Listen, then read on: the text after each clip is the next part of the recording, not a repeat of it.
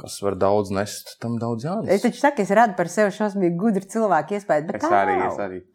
Jā, tā ir. Tu, tu neesi gudrs. Nu, kā to ņem? Man arvien vairāk un vairāk ir likties, ka tu esi mazohiste, kurai patīk, ka tev sāp un tevi moka. Kaut ko tādu es gribētu, vai prāts, kā es gribētu. Jo izskatās grūti un varētu sāpēt. Tā kā, blup, un jau sāp. Jā, man ir laikam jāsaprot, no kurienes aug uh, kājas. Nācīts bija aizslēgts, atslēga bija nolauzta.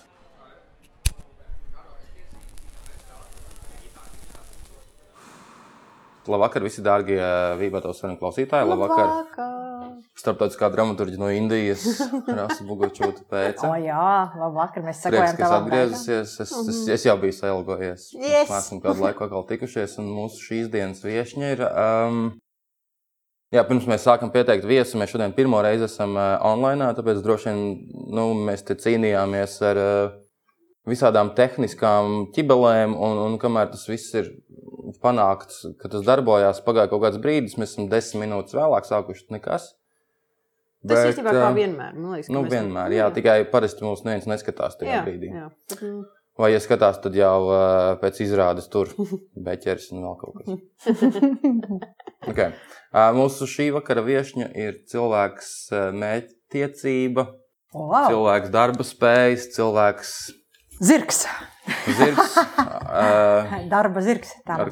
Kazbega mēroga darba spējām, arī uzkāpis man Kazbekā. liekas, ka arī kaut kādam kabatā viņai ir kaut kāds teleporta vērtīts. Tāds, man liekas, ar kaut kāds slepenais, superslepenais. Jā, Man liekas, taču visur. pēc pārliecības liepainiece, Jā. pēc uzvārda tatārs. Tātars Mongols man jau tāda Tātad mongols un ceturdaļa ebreju asiņu. Jā, to tu izlasīji noteikti. Es jā. palasīju, jā. Bet tas ir arī, man liekas, diezgan redzams. Ne? jā. Uh, labvakar, Karina Tārnova. Labvakar, Gata, Malika un Rasa. Labvakar, Čūta Pēc. Prieks, ka Labvakar, Milda. Labvakar, Daina. šis podkāsts kļūst par koru diriģentu podkāstu. Jau, jau otrais.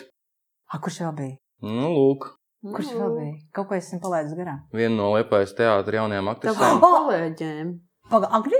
Jā. Ab, ai, Man liekas, ka tā bija vai viņa ne? man krustmēt, Man bet es domāju, jā. ka viņa teorija beigas. Nu, jums ir par ko parunāt pēc šī. Skaidrs, labi. Varbūt teorija, varbūt es meloju. Varbūt Nu, es var meloju. sakot, Ļoti iespējams. skola viena. Jā, jā, jā, melngaļi. Mhm. Bet, nu, Karina Tārinova uh, nopelnījuma bagāta aktrise, daudz kur strādājusi, daudz ir kaut ko dzīvojusies, ņēmusies un darījusies. Jā. Un šovakar ir kopā ar mums pīpētās sarunās. Es pakalpoju rīķa. Veslo, jā. Tas jau uz mildiņas, tas jau uz mildiņas tās lietas. Es tev brīdināšu, Milta, lai tu ravi te dārā. Nu, Es bišķi, bišķi jā, joprojām nejūtos savā vietā, jo tur tās kameras pašlaik ir tādā online režīmā, tāpēc lūdzu rasa pārņem vadību, kaut kur ved mums. Es šodien Virzienu ievies. virzienu, uh, nezinu, vai man sanāks ie, ie, iegriezt kaut kādu virzienu, bet es šodien daudz par tevi domāju, ka arī, protams, nu, ņemot vērā to, ka mums te jārunā šovakar un tā. Man liekas, ka tu esi viens no tiem cilvēkiem, mm, kuram es gribu pateikt reāli tiešām paldies par to, ka tu pierādi, ka tas liepais attālums no Rīgas nav nekāds izmisums. Bet Nu, nav. tāds. Nu, bet nav. Lūk, Nu, bet pārliecina tagad tos 99%, kas uzskata, ka- rīdzinieku, kas uzskata, ka tie 220 km ir ļoti, ļoti tālu. Nu, viņi vienkārši neprot izmantot to laiku. Nu, to pastāsti. ceļu. kā tu Kā vajag? Nē, nu tad, kad es pat braucu pie stūra, tad, protams, ir druskuļi bēdīgāk, jo es nevaru skatīties nekur citur, kā tikai uz ceļa. Un tāpēc man nepatīk braukt ar auto pašai, jo es esmu tas, kas, reku koziņš, reku zeķi, ja es tirniņu un tādu. Un tajā brīdī, kad es sēžu pie Es gribu stūra, teikt, ka tev patīk sabiedriskais transports. Jā.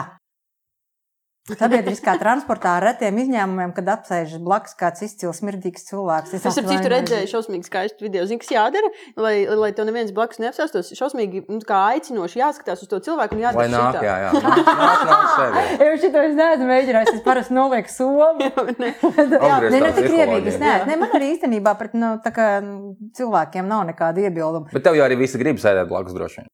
Bet nē, zini kā, man liekas, ka nē. Viņi Nu, labi, kautrīgāki fani varbūt nē, bet principā. Nē, īstenībā es esmu ievērojis, ka taisni tie, kas, tā kā es redzu, acīs atpazīst, viņi nesēž blakus. Nu, Nu, tāda tāpēc, bijība tomēr kaut kāda, man liekas, ir. Nu, vismaz man pašai joprojām arī ir pret ļoti daudziem cilvēkiem tā, ka, nu, tā kā, nu, tu tā pamēri galvu un tad tu tā, nu, apsēdies kaut kur ne, ne Jā, bet es teiktu, tā labāk sēdiet man blakus, nevis pēc tam ar pirkstiem rādīt no aizmugures, kā to jūt. Un tad ir tā gan tāda baigta stulbā sajūta. Nu, nē, tā. nu, es domāju, gan ja tu sēdi autobusā, starppilsētu autobusā, liepā ir Rīga. Vienkārši viss kā cilvēki sēž eh, un, un, un brauc, un, un tad ir karina. Tā nav. Ah, kur zariņi? Oh, kociņi? Zini, ka es vienas tādas dīvaini. reizes uz ielas, ka man viens bērns pieskarēja klāt un bakstīja burtiski ar, ar pirkstu vēderā un saviem draugiem teica, tā ir viņa, tā ir viņa. Uz mani pat nepaskatoties. Un tad, brīdī es vienkārši kaut kur publiskā telpā vai Twitterī vai kur aizlaidu, ka es mainu vienkārši autogrāfus pret uh, apskāvieniem. Un viss bija labi līdz brīdim, kamēr tie bija tikai mazi bērni. kas teica, Es drīkstu apskot, jā, forši. Un tad, kad tramvajā, konkrēti vajag pateikt, ko tu esi gatavs Un tad, kad tramvajā pienāca viens onka un teica, es arī drīkstu. Es apskāpu, protams, viņu, bet tas jau tad bija tā, tā mulsinoši. Tā kā, jau. nu, jā. Bet pagaidi, kā tad tu izmanto to laiku, piemēram, sabiedriskajā transportā? Oi, nu, pēdējā laikā, ja godīgi, tad es guļu vienkārši, vai kaut kādas totālas neizgulēšanās lietas, un tad, uh, tad es vienkārši guļu, cepuru vienkārši pārāk pāri. vai Pie tad- stūres to grūtāk darīt. Jā, pēc stūres nevar to darīt. Tas ir sasodīts. Nē, pie, pie stūres galvenais ir, ka nevar skatīties uz stārķiem, kazām un, un stirnām un tā. Tev visu laiku tomēr ir. Man kaut kāda Specifiski stārķi un kazas. Nē, nu labi, kas nu tur ir? Kas nu tur nav? Daba, koki, zin kā, visu gada laiku ir skaisti. Nu, man vienīgais tāds draņķis nepatīk, bet nu, tas, kas tagad kā reiz. Bet uh, tur tu, es, man ieslēdzās kaut kāds tāds uh, tik ļoti liels apzinīgums, ka es nekur Aha, neskatīšos. re, nākamā Un es esmu mierīgi kā zīlonis, bet, uh, bet nu, nu, tā ļoti apzinīgs un tāds mm, skaties un skaties un viss. Nu, bet es klausos, tad es klausos arī podkāstus. Klausos. Mm. Mm. Uh, gan ne ļoti daudz, bet nu, pīpētās sarunas esmu šo to dzirdējis. Nu, Tā kā, nu, savējie gal mums tu vari, nu, Nē, tu nē, kādam nu. citam pastāstīt, ka tu klausies pīpētos sarunas. Mums jau, kas tam mums, mēs zinām, ka tu klausies. Es godīgi sakot, turējos, lai pirms mūsu tikšanās neklausītos, nu, tā kā lai nesāktu vērtēt, ko un kā. Jo tad, kad tu klausies vienkārši tāpēc, ka tie ir tavēji, tas ir kaut kā citādāk. Un tad es arī tā kā pirms šīs tieši neklausījos. Lūk, tad es klausos daudz mūziku. Mm, nu, braucot pati. Bet tā, tā kā es sabiedriskā transportā braucu, nu, lielākoties autobusā, jo mm, Facebook mašīnās gan te lielākoties ir tā, ka jārunā un jāatbild uz jautājumiem, kā var iemācīties tik daudz tekstu. un tā. Facebook mašīnas. Tas ir grupa Liepā, Rīga Liepāja. Jā, man patīk tā grupa. Man baigi patīk. Tur ir interesants cilvēks, var satikt, ar ko es tikai neesmu izpļāpājis. Man, man arī patīk, var aktrises vadīt turp uz šurpu. Nu, tas nu tā. Eh, Bet, piemēram, es esmu braukusi ar nākamo pilotu, vai, piemēram, ar karavīru, vai, piemēram, ar, ar jūrnieku, ar tādu Tev cilvēku. patīk kas cilvēku vienkārši- formās, vīriešu formās izklausās. Jā, tas izskatās labi. Piloti, jūrnieki, Nē, bet karavīri. viņi nebija formā. Bet eh, tas katrā gadījumā tā ir kaut kāda sfēra, kas man liekas aizraujoša. Nu, katrā gadījumā pilots pilnīgi noteikti. Nu, gan jau, ka tu viņam arī uzdevi jautājumus, "A, kā jūs katru reizi tā kā Jā, nenokrītat? kā jūs zināt, kur pogas pies? Nu, viņi tam? tā- tu tos tādu gluži nē. Es drīzāk, es drīzāk uzdodu jautājumus par to, kādas sajūtas tur augšā. Man tas laikam vairāk interesē. Tev uz augšu visu laiku rauj. Nu. Ne, rauj. Vēl, vēl. Rauj, nē, nē. mm. Bet tas bija asprātīgi. jā. Jā, okay. Nu, bet nu, vēl maz drusku tā kā, mm, paturot šo pašu tēmu prātā. Tā Kā sanāk, cik gadus tu nodzīvoji Rīgā? Kur tu piedzimi? Nu, Piedzimis Liepājā, tu taču ievādi ziņas. Mhm. Es esmu patriotiskā Liepājniece, es piedzimu Liepājā un Liepājā nodzīvoju absolūtā pārliecībā, ka te es arī palikšu līdz Bet liepā tev 20 atriebās, neuzņemot tev liepājas kursā tajā. Jā, Nu, Pagaid, pagaid. Ļauj- 20 līdz 23 gadiem, kad es iestājos, nē, 22, jo tad es vienu gadu nomaisījos par Rīgu, un tad es iestājos Rīgā aktieros. Jā, Pēdējā brīdī. nu, es jau tā kā nebiju, nu jā, pat vairāk nekā pēdējā brīdī. Es visus četrus gadus dzirdēju par to, ka, nu, ko nu es spēlēšu, tad, kad es pabeigšu. Un tad, kad jaunās mīlētājs mēs nedos, un, ā, un, un ko tad nu es spēlēšu savos 27 Auklu gados? Džulietas. E, Zini, kā es beidzot nospēlēju Džulietu, nevis aukli. Tas pirmkārt, otrkārt, nu, Nacionālā teātrī es septiņus gadus bliezu vienkārši pepiju. Piecus. E, Septiņus, jo es Ā, divus septiņus. vēl, jā, jā, es vēl pēc tam biju divus vai pat trīs gadus ārštatā. Mums uh, septiņus gadus mēs spēlējām pepiju. Mums Zini, nomainījās trīs Viena no mūsu pirmajām uh, tikšanās reizēm bija teātris bārā pirms nu, jau 11 gadiem. Uh, tu biji teātris bārā, es biju teātris bārā. Pieļauju, ka es arī biju tajā bārā. Vienkārši tas bija laiks, kad man liekas, visi Jā, dzīvo tur viss gāja. bārā. Un, un tad mēs tikāmies, un tu man teici kaut ko ļoti labu par mani? Tu man jau kaut kur kaut kad biji Ai, Es redzējis. biju redzējis, uh, ugunī, nu nē, vai kā. Saucās, nu, Kristīna un Edgars. Jā, jā, Ugunī, jā. Mm. Uh, Un, un, un, Nu, un es tur mūsu, un, un, un paldies teicu, un tā, bet es biju ar draugiem. Un, un tie draugi pēc tam prasa, ko tev Pepī teica? Ko tev Pepī teica? Jā, bet man smieklīgākais bija tad, kad kaut kādā burtiski jau no trīs gadus atpakaļ. Man, man liekas, viņš vienkārši ļoti ilgi nevarēja saņemties. Mūsu klausās, bārdainis, tāds nolaudzis, nu, tāds, domāju, oh, dižens ozols, tāds vecis uh, bārdainis. Un tad viņš man pasaka, ka es esmu viņa pepija. Ka viņš maziņš un tad man tā likās, tā birst jau. Tie ir tie, kas skrien pēc, tev, ap, pēc tam tevi apskaut droši vien. Jā, nē, nu, ok. Starp citu, jā, tas mazais puisītis, kurš teica, tā ir viņa, tā ir viņa. Tu saprati, kuru viņš bija domājis? Jā, Margarita. Margarita no viņas man vēl jā, labāk. Jā, tas bija tikai dažus gadus atpakaļ, tā kā Margarita. Tā bija Margarita. Bet redz, kādam tu esi Pepija, kādam tu esi Nē, man Margarita? arī viennozīmīgi. Es arī Un kādam es esmu jādavīga? Nu, tā antē Pat viņa pārsvarā. Tā antē esmu jādavīga. Kā tu pati sev asociē? Nu, tā kā nopietnais jautājums tagad, vai man jāizvēlās no šīm trijām? Ne, nu, nu, no visām. Ja es visvairāk lepojos, tad laikam ar Jadvigu. Man patīk tas process, un es viņu uztveru kā televīzijas, nevis seriālu, bet uh, tādu filmetrāžu filmu. Nu, tā, jo tur viss tā, tā situācija bija tāda, mēs gatavojam lomas, un uh, tāpat tās tā kā uz skatuves, tas bija tā, ka es vācu stāstus, es gāju pie cilvēkiem, kas ir poļi Latvijā, un gan to viņu.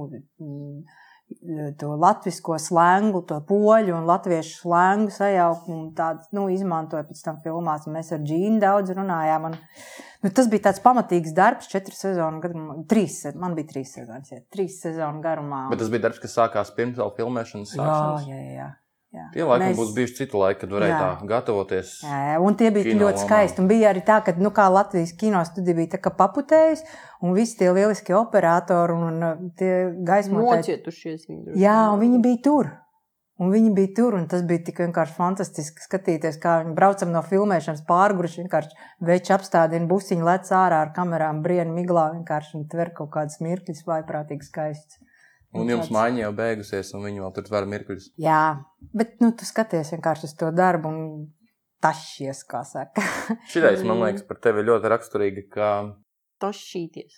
tas tašīties jā, no, Jā, visa, nu. no visa procesa. Tev, Nevis tikai no kazām. tev tas darbs, man liekas, ka.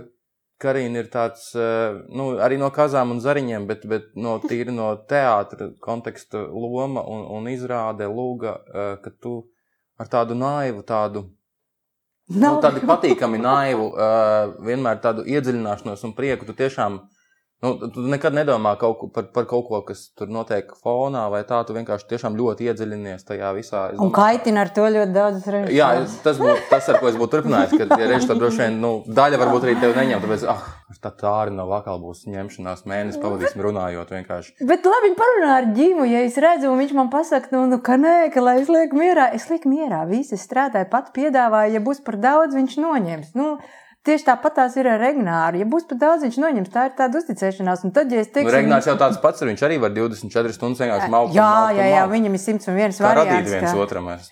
O, es ceru. es ceru, jo es pie viņa varētu piedalīties daļai, kam arī tad, ja es nesaprotu. Bet, nu, viņš ir tas gadījums, ka es simts punktu labi, ja es saprotu kaut kādu, nezinu, vienu trešdaļu no tā, ko viņš ir domājis, ko viņš liek darīt, bet es viņam simtprocentīgi uzticos arī tad, ja tas man kaut kādā brīdī, kaut kā diskomfortā liek justies, vai arī tāds, nu, man nav šaubas, man ir diskomforts, bet man nav šaubas, un es paņemšu un pēc vislabākās sirdsapziņas izdarīšu, un es zinu to, ka pēc kaut kāda brīža es sapratīšu vismaz ar miesu, ar fiziku, kāpēc viņš to liek, un tas nostrādās. Bet es bieži nesaprotu, bet tu man liekas, vienmēr līdz galam, nu, ne, tagad man liekas dīvaini, ka tu saki, ka tu nesaproti, jo man liekas, tu runā un prasi un neliec mierā tos režisorus, kamēr tu nesaproti. Nu, kamēr tu Jā, bet tas jau nenozīmē, ka jau- es beigās saprotu.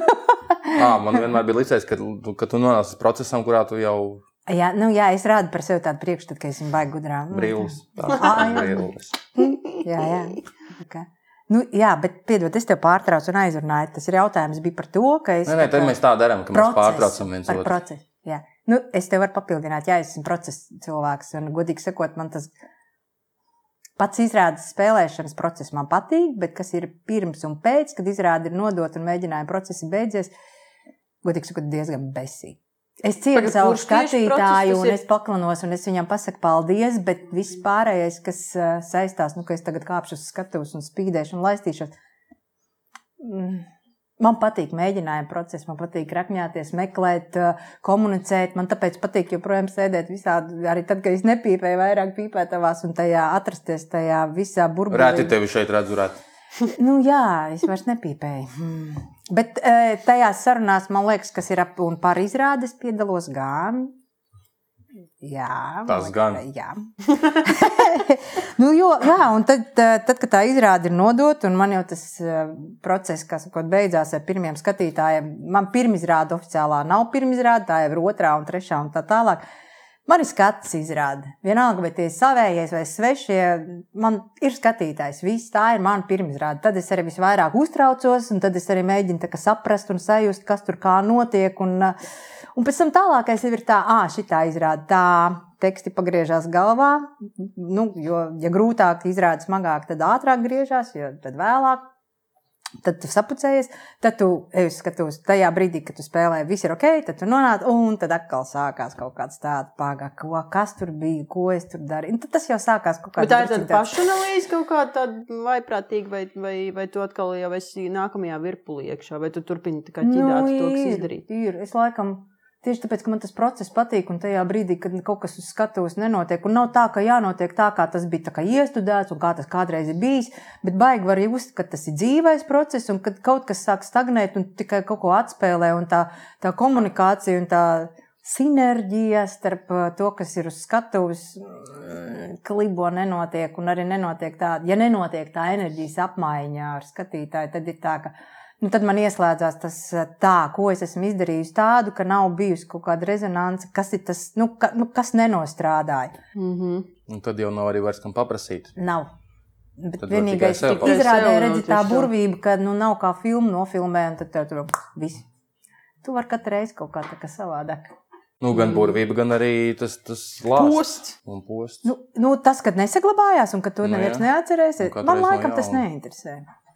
Tev kā tik, kā tik process. Jā. Tad jau vairāk tomēr laikam teātris tev, jā. Jā, bet man patīk arī filmēties. Tas ir baigi dīvaini. Man, mums kā reiz vakar bija tāda saruna, man riebjās fotografēties. Es nevaru, es jūtos vienkārši sasaistīta, es jūtu, ka man ir vienkārši rokas savalkās, bet kamēr es nejūtu. Kameras priekšā man, viņi var, man kādreiz Sigits Račks, kas to pašu viņas melo labāk filmēja pirmās sezonas.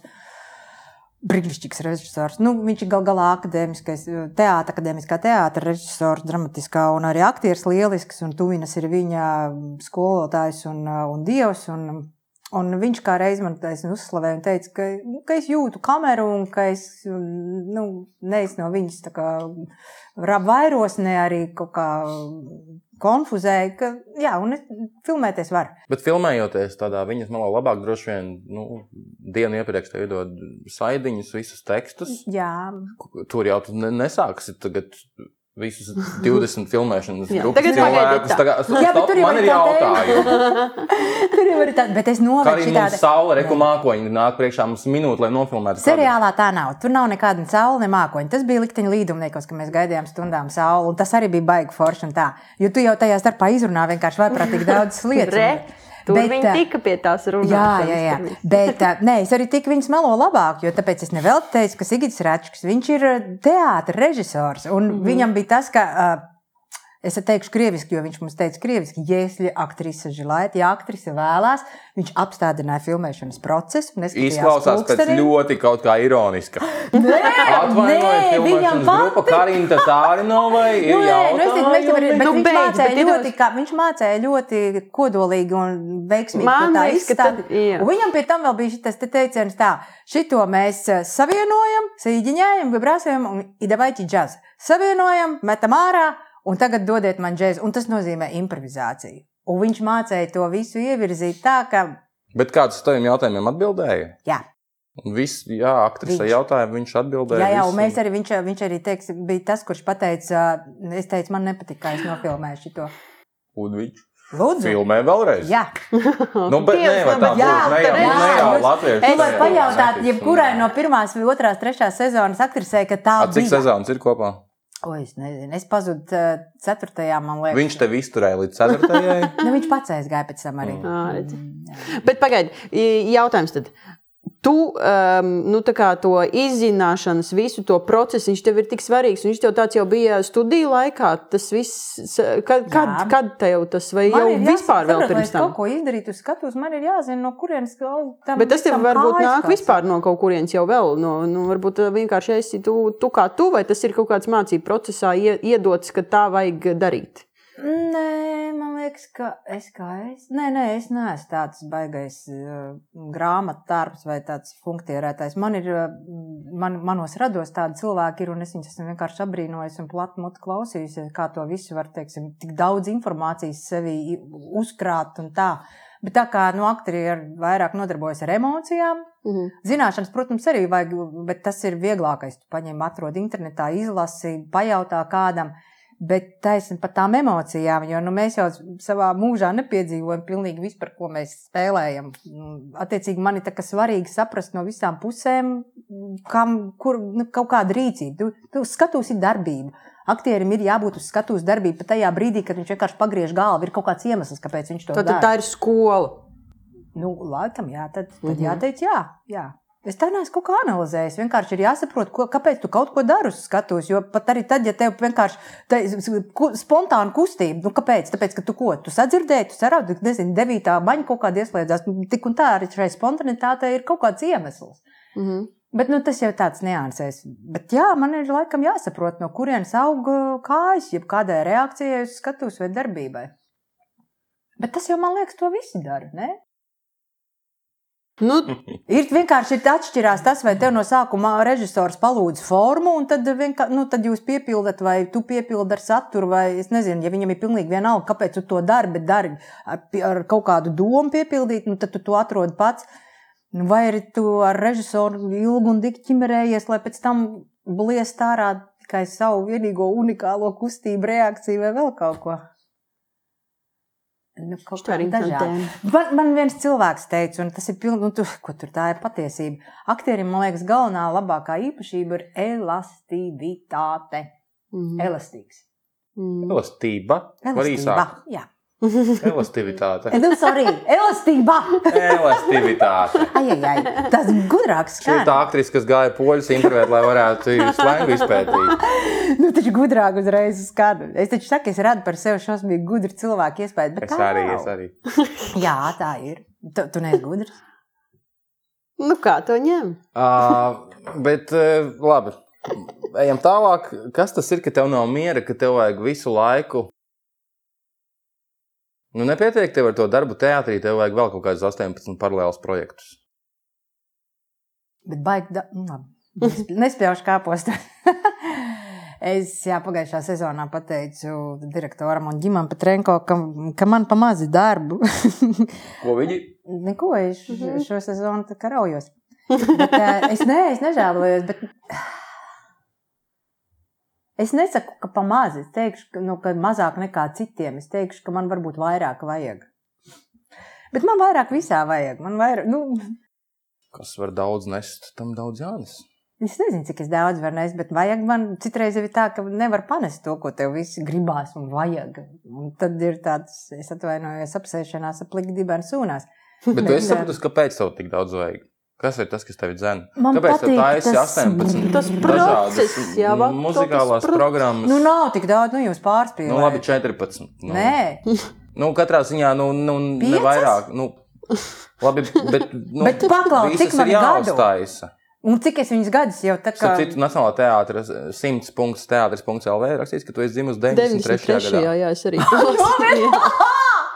Es ceru, ka es tieši tā arī izskatos. Bet Ļoti labi nē. izties, bet tur man radās mazliet šaubas, ka kaut kas nav uz galam pareizi. Jā, to es arī lasīju, ka 93. O, cik jauki. Bet tas tā nav teātris LV, lapa, tā ir 100 punkts teātris LV. Nu, tā kā, līdz tai lapai, nu, retāk kāds aiziet. tā Kā.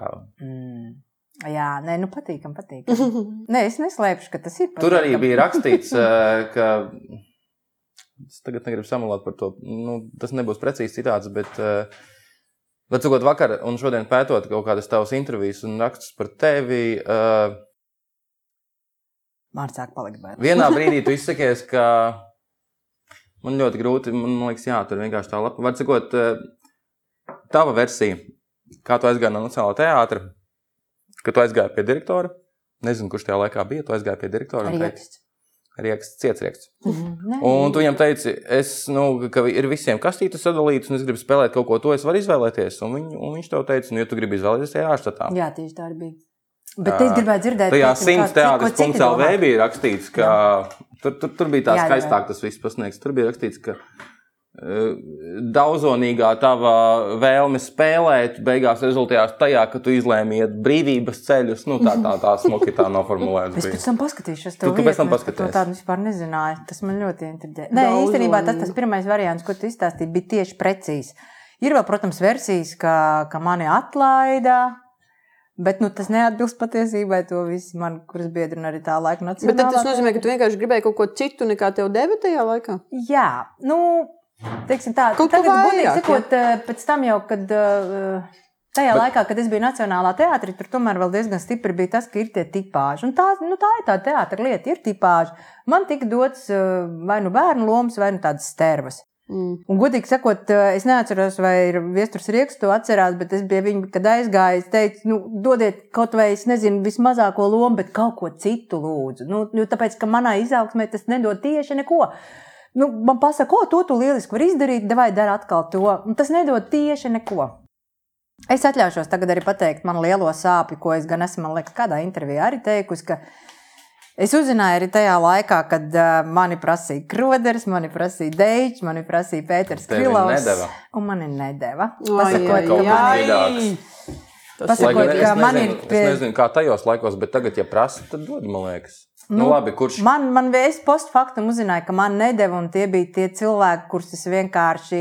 Es neteikšu, ka man ir ēlki, bet nu, tās bija manas, un ir joprojām manas autoritātes teātrī. Man ļoti gribējās pie viņiem strādāt. Ļoti. Un es domāju, kāpēc viņi man neaicina. Un pēc tam, kad es saņēmos vienreiz, un tā kā nu, pirmām kārtām Kroderis man vienā reizē teica, viņš saka, man te nedēļa. Kad man nedēļa? Nu, tad, kad es taisīju tur pazudušo dēlu, tā es gribēju tevi uz ielas, man te nedēļa. Es tā kā nedēļa? Nu, teicu, ka tu tur baigi aizņemtā, un es nebiju. Nu, un pēc tam dēļ arī Nu, man to pēc teica, kura un standartiem? Krilovs, Varbūt pēc un- mūsu standartiem tu, tu biji ļoti aizņemts. Pēc saviem standartiem tev likās, ka tu vari pagūt visu. Nu, nē, nē, nē. Tajā laikā man liekas, nemaz tik daudz. Faktiski es varbūt, nē, nu, kaut gan Nacionālā teātrī visi jaunie strādāja daudz, jo tāpēc, tur bija pa divām izrādēm dienā, un arī mēs, ja tāpat kā tagad pēdējā laikā viņi arī, man liekas, pirmdienās spēlē, un tu vēl paspēji aiziet pa vidam nofilmēties un ierakstīt kaut kādas reklāmas un vēl kaut ko. Tā, tā kā, kaut kā tur drusciņi tas temps, lielpilsētas iespējams ir vairāk tāds atbilstošs manam tādam iekšējam ritmam. Bet tā bija visiem vai tā bija tev? Man liekas, ka visiem. Nu, Es tā kā skatījos pa malām, visi taču kaut kur kaut ko darīja. un Par ko tieši Nē, jautājums es jautāju par, par tiem Došanu, par, par nedošanu? Ielikšanu tipāžā kaut kādā. Jā. Es nezinu, es godīgi saku, tā baigi par citiem. Tas jau droši vien, man liekas, ir arī atkarīgs no tā, kur, nu, var jau būt, ka kaut kāda daļa ir arī mierā ar kaut ko tādu. Nu, Nē, protams. ir ērti un ērti, un viss ir forši, bet, Nu, mm, jā, Karim nu, laikam nav līdz ar tas to es tā kā, tad pēc šīs sarunas, ka viņš teica, ja tu gribi izvēlēties, ir jāiet ārštatā. Tas nebija vai pateicis kaut kāds ātrs lēmums, nu tad es iešu arī un tā. Es patiešām ļoti labi apzinājos, ko tas nozīmē. À, jā, nu bija tā versija, protams, ka es aizgāju prom no Nacionālā teātra, kad lūk, man pierunāja Gaļina Poļišoka iet uz observatoriju. Bet, nu, fakts ir tāds, ka tajā brīdī vēl nebija observatorija vispār kā tāda. Un fakts ir tāds, ka es aizgāju no Nacionālā teātra štata. Un Gaļina Poļišuka man piezvanīja tieši tāpēc, ka viņa zināja, ka esmu aizgājis no štata prom. Nu, respektīvi, viņai vajadzēja aktrisi, kur nav saistīta ar citu teātru, lai viņa varētu strādāt. Mm -hmm. Dienā, kā viņi to dara, bez brīvdienām un bez laika limita. Tieši tā kā priekš tevis. Nu, tajā brīdī, jā, tagad ir drusku citādāk. Tagad man ir suns un man ir laika limits. Uh, šo, šai tēmai vēl pieskaroties, kā tev liekas, aktierim ir tiesības prasīt lomas, kas, ko viņš vēlētos spēlēt teātrī. Jā, bet es teiktu tā, ka prasīt, nevis pieprasīt. Jo tā, man liekas, ka pieprasīt tev nav tiesības nekādas. Nu, tie arī nevar pieprasīt. Nu. Nē, nē, nu, tādā ziņā, ka tad veidojas kaut kāda uzspiestā laulība. Ja tu ej un pieprasi, man tagad vajag lomu, un tas režisors iespējams nebūtu nav tevi tā kā redzējis.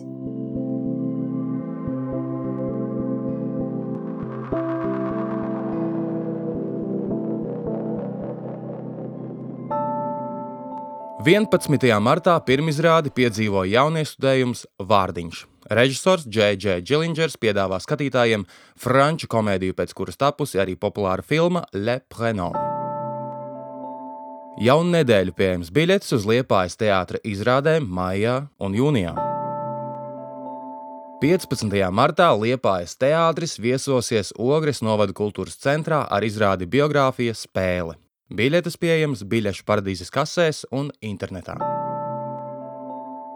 31. martā Siguldas kultūras centrā Devons būs iespēja redzēt milzīgus panākumus guvušo Elmāra Seņkova izrādi Grimmi. Aprīļa sākumā Liepājas teātris dodas uz koncertu zāli Valmieru. 1. aprīlī pulksten vienos Edgara Pujāta monoizrāde Tas arī viss. 1. aprīlī 2018. dramatiska traģikomēdija Vilki 2. aprīlī plūksteni vienos romantiska komēdija Kā mīl tā otra puse. Un kamēr mēs viesosimies Valmierā, Liepājas teātrī būs skatāmas divas Nacionālā teātra viesizrādes. 1. aprīlī izrāda Suņa māja, 2. aprīlī izrāda divas pasaules. 22. aprīlī pēdējo reizi biogrāfija spēle. Visu biļešu cena - 10 eiro. Aprīļa beigās izrāda pilnīgi svešinieki dodas tūrē. 26. aprīlī 2019. Jelgavas kultūras namā un 27. aprīlī 2019. kultūras centrā Ulbrokas pērle. Savukārt 28. aprīlī 2019. Slampes kultūras pilī.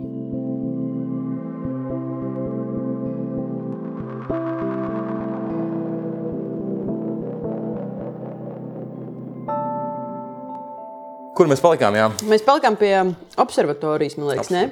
Nu, tā, ja mēs ejam kaut kādā tādā.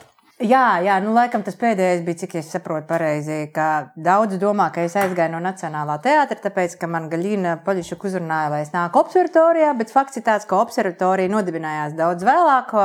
Un Gaļina Poļišuk man piezvanīja un uzaicināja ar viņu sadarboties. Taisn, Zinot tieši tāpēc, ka es esmu aizgājusi no teātra nacionālā, attiecīgi es esmu freelanceris, es esmu brīvi izvēlēties, un man ir daudz brīva laika, lai strādātu ne tikai pa brīvdienām, bet arī neierobežotā laika posmā. tā. Mm -hmm. Es pat pamanīju, es skatījos tavu to CV, un es sapratu, ka tu visur strādā kādus 5, 6 gadus.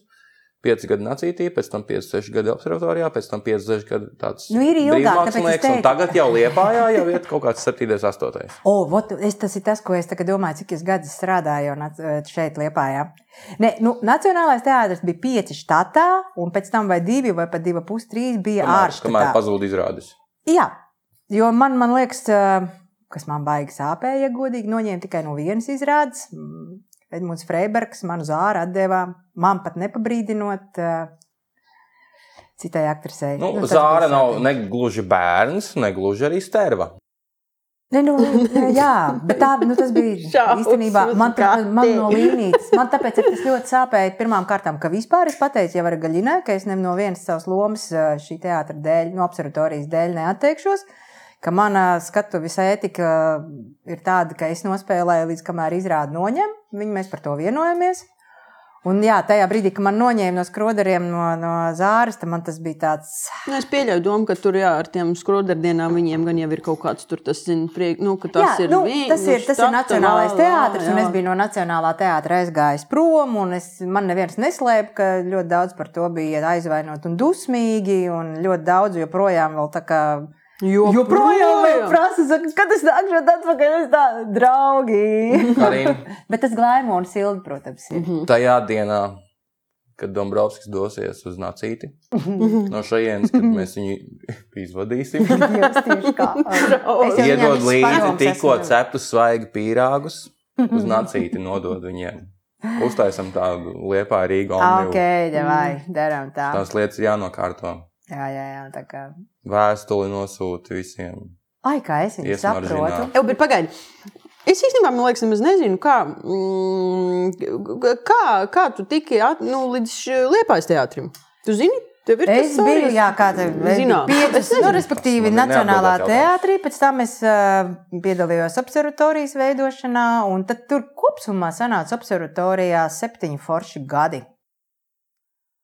Tad observatorija klaukts izbeidzās, sāpīgi, ļoti neslēpšu. Un uh, es kļuvu sešiem gadiem vai pat septiņiem par freelanceru. Apzināti vai vienkārši? E, pirmām kārtām, zin kā, ja tu esi aizgājis no mm, teātra štata, tad tas, eh, kā sakot, eh, vieta tukša nemēdz būt. Tur uzreiz tiek uzņemts kāds štatā un tukšs štatu vietas nav. Un tu nemaz tā nevar tikt atpakaļ. Otrakārt, eh, jā, man arī neslēp, kad ir apvainojums par to, ka es aizgāju. Tā bija mana izlēma. Un es par to ļoti labi. Nācijas bija aizslēgts, atslēga bija nolauzta. Jā. Tā tikai netika. Jā, bet es arī tā baigi īpaši nepiedāvāju. Bija tā, ka es atnācu uz Liepājas teātri, braucu skatīties izrādus. Tad gan es pie direktora iegāju kaut kādā vienā reizē un teicu, ka es esmu freelanceris, ja jums ir nepieciešama aktrise manā vecumā, es esmu pieejama.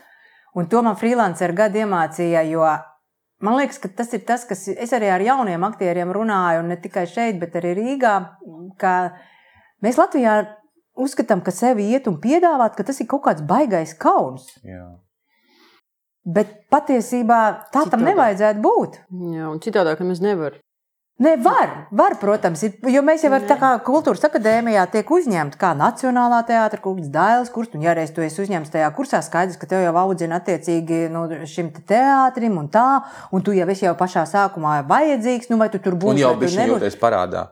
Un jau jūties uz- parādā, citiem nu- nemaz neskaties. Bet arī parādā, bet arī tā, ka tu jau tādā drošībā tā jūties. Mm. Bet tā, tā drošība ir baigta mānīgā. Nu, atrasties, teiksim, štatā un neko jēdzīgi nespēlēt, man liekas, tas ir vēl apkaunojošāk nekā iet pie direktoriem un teikt, hei, es esmu šeit, ja jums mani vajag, lūdzu. Mm. Bet es atzīšos, man arī ir ļoti liels kauns to bijis darīt, un man ir ļoti bijis jālauž. Bet tas ir tiešām ļoti interesanti, tāpēc ka nu, kaut vai arī. Uh, Saprotu, nu, piemēram, mūsu pašu liepais teātris. Nu, mums ir trupa uh, ļoti uh, ar lieliem uh, vecuma kaut kādiem iztrūkumiem un, un nu, tādiem pilnīgi tukšiem, melniem posmiem. Loģiski, ka ir brīži, kad mums ir nepieciešama kaut kāda aktiera tieši konkrētajā vecuma posmā. Tāpēc tas būtu tikai nu, adekvāti, ja tiešām, ja tiešām būtu tā kaut kāda veida. Nu, nu, Jā, bet direktors, Jā. jebkurš teātris direktors, man pateiks to, ka viņam ir jānodrošina pirmām kārtām Nu jā, darbs savai trupai. mm. Un, ja, jā, ja es esmu Sorry, mums nopelnījis. nav jāspēlē ne bērni, ne stervas. Mēs visi esam noklājuši. Nē, nē, nē nu, tas bija vienkārši Tas jau ir gadus pēc kārtas, jā. ka tu to, jā, jā, bet, zin kā, tas ir tā, ka tu piecas gadus pēc kārtas to esi darījis un uzzini vēl, ka ir trīs režisori, kur tevi gribējuši un ka tu neesi ticis pie viņu, tad tas ir tā, ka ļoti sasāpējis. Un nemaz ā, ne tie sūdīgākie ir. Jā, un es pieņēmu lēmumu vienkārši nevis sēdēt un kurnēt un pa kaktiem, bet vienkārši iet un mainīt kaut ko. Nu, Bet droši vien arī sāpīgāk ir, nu, no nācijas tu aizgāji pati pēc tavas versijas. Tad tā sajūta ir tāda, ka es nu, tur nav aizgājis- cita versija, vienkārši tur ir fakts, tur ir fakts ka es aizgāju. visu. Jā, bet tu, uzrakstīju tur, jā, tā sajūta, protams, ir tāda, es pat uzrakstīju iesniegumu, es pat esmu aizgājis no darba, es esmu tagad brīvi kā putns, un uh, es tagad pats cīnos par savu dzīvi, bet tāda observatorija izbeidzās. Jā. Un tur droši vien tīri psiholoģiski ir bijis sāpīgāk. Ka, nu, Tur nav bijis ir sāpīgāk. Es neslēpšu, un- ka jā, aktrise Pagarelava teātra. Notikušā teātra aktrise. Tur ir baigā trauma, es to neslēpšu. Bet baigi par to es negribētu runāt, kaut vai, nu, tā, kaut vai tāpēc, vien, ka intervijās jau tas ir teikts, un kur tas interesē. Teātris vairs nav attiecīgi, ko tur vairs analizēt. Bet nu trīs vārdos. Visas intervijas es neizlasīju ar tevi. Es jau godīgi nezinu līdz galam, kas tur notika, kāpēc. Jo skaidrs, ka tas nebija tikai finansējuma trūkums, ko, nu, nu, ko neatkarīgam teātrim. Jo ir dažādi veidi, kā neatkarīgie teātri pastāv. Dērtīdi un ģertrūdas teātris tam ir brīnišķīgi apliecinājumi. Jo viņi ir izturējuši visu to gaļas mašīnu, mm, sākot no tā, ka tur vispār nekāda finansējuma nav, līdz tam, ka viņi tiek nominēti spēļu nakts balvai.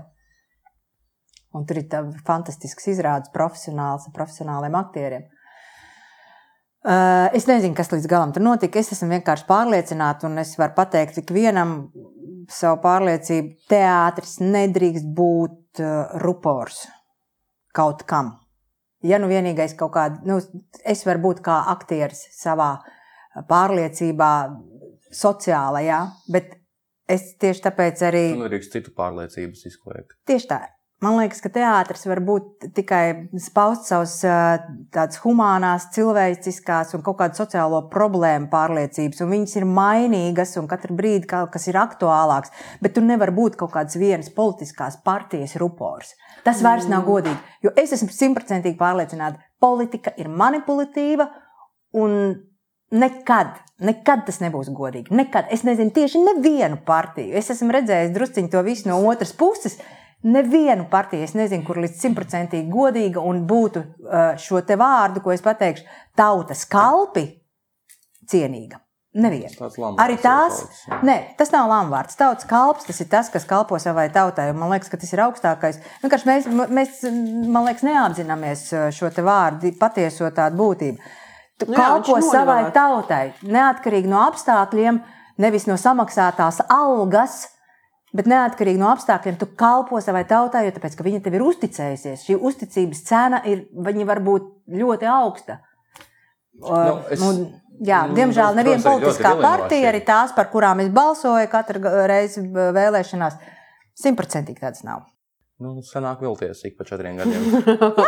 uh, bet es, es arī uh, nu, par šo konkrēto teātros observatorijas piemēru runājot, es arī saprotu, nu, tas ir vilinoši, ka tev pēkšņi kāds piedāvā, reku tev būs telpas, reku tev būs nauda un tam līdzīgi. Un, un es ticu, ka, nu, ka nav viegli atteikties no tā, saprotot, ka bācis tūlīt varēšu taisīt savu mākslu.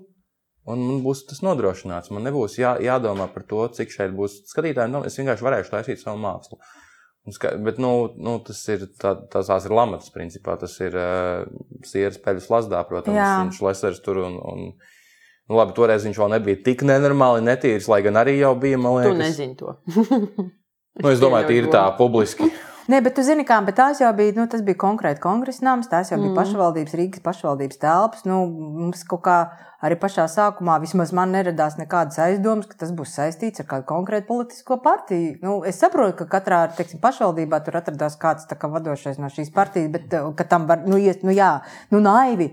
Bet nu, katrā gadījumā nu, tas ir pašvaldības telpas, viņas stāv tukšas, tiek iedots neatkarīgam teātrim, lūdzu, darbojieties m, kas it kā ir vienkāršāks. Bet izrādās, ka nav nemaz tik vienkārši. Nu, tā. Bet es atkārtoju, es nezinu līdz galam, kas tur notika, diemžēl. Lai es varētu laikam tā runāt. Tas ir tikai mans tāds apkopojums par visu šo Bet Šo tad, kaut gadiem. kādu bet, tad, bet tad man liekas, tas ir arī kaut kā samērā loģiski, ka nu, pēc tam tad ir tomēr tie kaut kādi freelance gadi, jo diez vai baigi atkal gribās uzreiz mesties kaut kādā nu, tādā struktūrā iekšā, ja tu saproti, ka tāda ir piedāvājuma tāds. arī nebija. Es arī kaut kā Ja būtu neredzēju, bijis, ka tu būtu, tu būtu piekritis, domā. struktūrā, kas ir saistīta ar kaut ko tādu kā. Jā, nu būtu atkal. Labi, nu, laikam valsts teātris arī struktūra, un tur mēs pieņemam vienkārši, ka tā struktūra strādā, un mēs baigi nekvestionējam sev, ka kas tā par naudu, no kurienes viņi nāk, un mēs vienkārši nākam un strādājam. Nu, jā, bet ja tev ir Jā. bijis šis te viens tāds belziens, man liekas, ka tur tomēr ir kaut, kāds laikam, kaut kādam laikam jāpaiet, lai tu varētu tā atkal. Nu, Nezinu, labi, šis liels tēmas. Es Jā. nezinu. Nē, es, es, es šodien lasu Twitterī un klausos, un uh, skatos, kas notiek ogrē. Oh, Es domāju, Cik tālu mēs esam aizgājuši?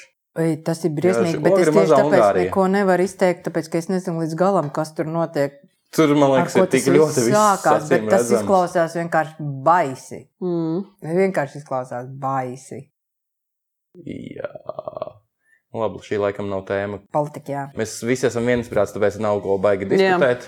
Ne, Ar politiku vienkārši ir tik grūti, tāpēc, ka man liekas, ka tas viss mainās zibenīgi. Pirmkārt, otrkārt, ā, tu nekad nezini, kura roka kuru mazgā. Otrkārt, tas ir, un treškārt, arī, un tur ir vairāk aspekti, bet tas galvenais ir tas, ka man vienkārši nav informācijas. Man vienkārši nav informācijas. Jo es esmu saskārusies ar to, ka es kā klausos, lasu un analizēju, un man liekas, ah, tas ir šitā, un es taču tur esmu bijusi klāt, un atnāk viens cilvēks. Un vienkārši tā hopā ar trīs teikumiem apmet to visu otrādi, un tu redzi vienkārši, aņifigā. Nifigā, tu esi bijis vienkārši kaut kāds manipulātors rokā, nu, kaut kāds viens mazs sērkociņš, viens mazs muļķis. Un tad tas ir tik Bet toreiz jūs tur bijāt vairāk aktieri. Toreiz tas, es tiešām ne, es toreiz vēl tik ļoti nesakoju, man liekas, tam visam līdzi. Es tikko biju pabeidzis vidusskolu, man liekas. Un, bet, eh, bet, bet kā tieši tas viss izbeidzās? Vienā brīdī, kā teātris observatorija izbeidzās? Nu, bija tā, ka vienkārši mm, nebija vairāk tā kongresa nama zāle, ko mēs paši savām rociņām arī tur palīdzējām, visu krāsot un likām. Mēs vairs nevarējām spēlēt tur izrādes. tad jums ir drusciņ- vienkārši pateicis, ka viss šeit Rīt vairs nenākt. Jā, Nu, tā es vismaz atceros. es- Man pateica, es- rītā izrādes nebūs viss. Un tālāk katrs pats par sevi. Nē, tā gluži nebija. Mums vēl tā kā mēs kaut kādu brīdi tur vernisāžā bija telpas, un mēs tur vēl spēlējām kaut kādas izrādes. Kabīrī mēs vēl tur spēlējām. Uh, ko vēl? Ah, Bulis vēl turpināja spēlēt savu lidojumu. Un tāpat bija vēl viens kaut kāds dzīvoklis, kas arī bija mēģinājums uztaisīt par mazo zāli, un tas man likās vispār tā kaut kā mm, dīvaini. Jā, un tad es vienkārši paņēmu ar vāru piņķu un Nīmanu aizbraucu uz Amerikas viesizrādēm un atbraucu, un tad jau laikam tad patiešām bija pielikts punkts. Jo, jo es sapratu, ka es laikam vienkārši vairs neesmu kontaktā nu, ar, ar to, to visu. Ka es nezinu, es pārāk daudz nezinu. Mhm. Un, ja es nezinu, un man neviens neuzskata par vajadzīgu informēt, un tas un izrādes nenotiek, tad kāda jēga teātrim? Savākties vienkārši un bēdāties par to, kā tas ir iznācis, ka tas ir iznācis. Dalīta bēda, pusbēda. Bet priekš kam? Tas nav teātris. no jauna. Tas ir kaut kāds diskusiju klubiņš, bet tas nav teātris. Teātris ir tad, kad tu uztaisi uh, kādu paudumu tautai, skatītājam, ej un viņam to saki. Jo tāpēc, ka tev gribās to pateikt, tāpēc, ka tev ir svarīgi to kādam pateikt. Ja tev nav svarīgi neko pateikt, nē, nesaki. Kā tur bija tie dzēniekiem? Ja, ne, ja tev nevajag, ja tu negribi rakstīt, ne, teikt kaut ko dzējā, neraksti. Ja tu vari nerakstīt, neraksti. Ja tev nav ko teikt skatītājiem, ja tev, tu neesi pilns ar to, ka tev kaut kas ir jāpastāst, vai, vai arī tu esi tas cilvēks, ar kuru pastāst, nu, režisoram jāpasaka. Nu, tagad nedara. latiņu uzlaiž, jā, man liekas, ļoti daudziem aktoriem īsti nav ko teikt. Vienkārši ir tāds darbs. Redzi, un man vajag tas tā, lai es vēl no režisora. Tāpēc es saku, Tāpēc jau viņi uzdod tos jautājumus Elastīgums, visiem. elasticitāte, elastība. Jo tāpēc, ka tajā brīdī, tad, kad tu satiecies ar režisoru, un tad ir tā, ka man liekas, režisors labs pārliecina, ka šis te mums ir jāpasaka tai tautai. Un tajā brīdī tu Man patīk tas, ko tu saki. ļoti. Man Nu, bet tā taču ir. Nu, kā tu vari? Nu, man ir neveiksmīgs izrādes un neveiksmīgs tieši tāpēc, ka es neesmu sapratusi, kas ir tas, ko režisors grib pateikt, un galvenais, kāpēc.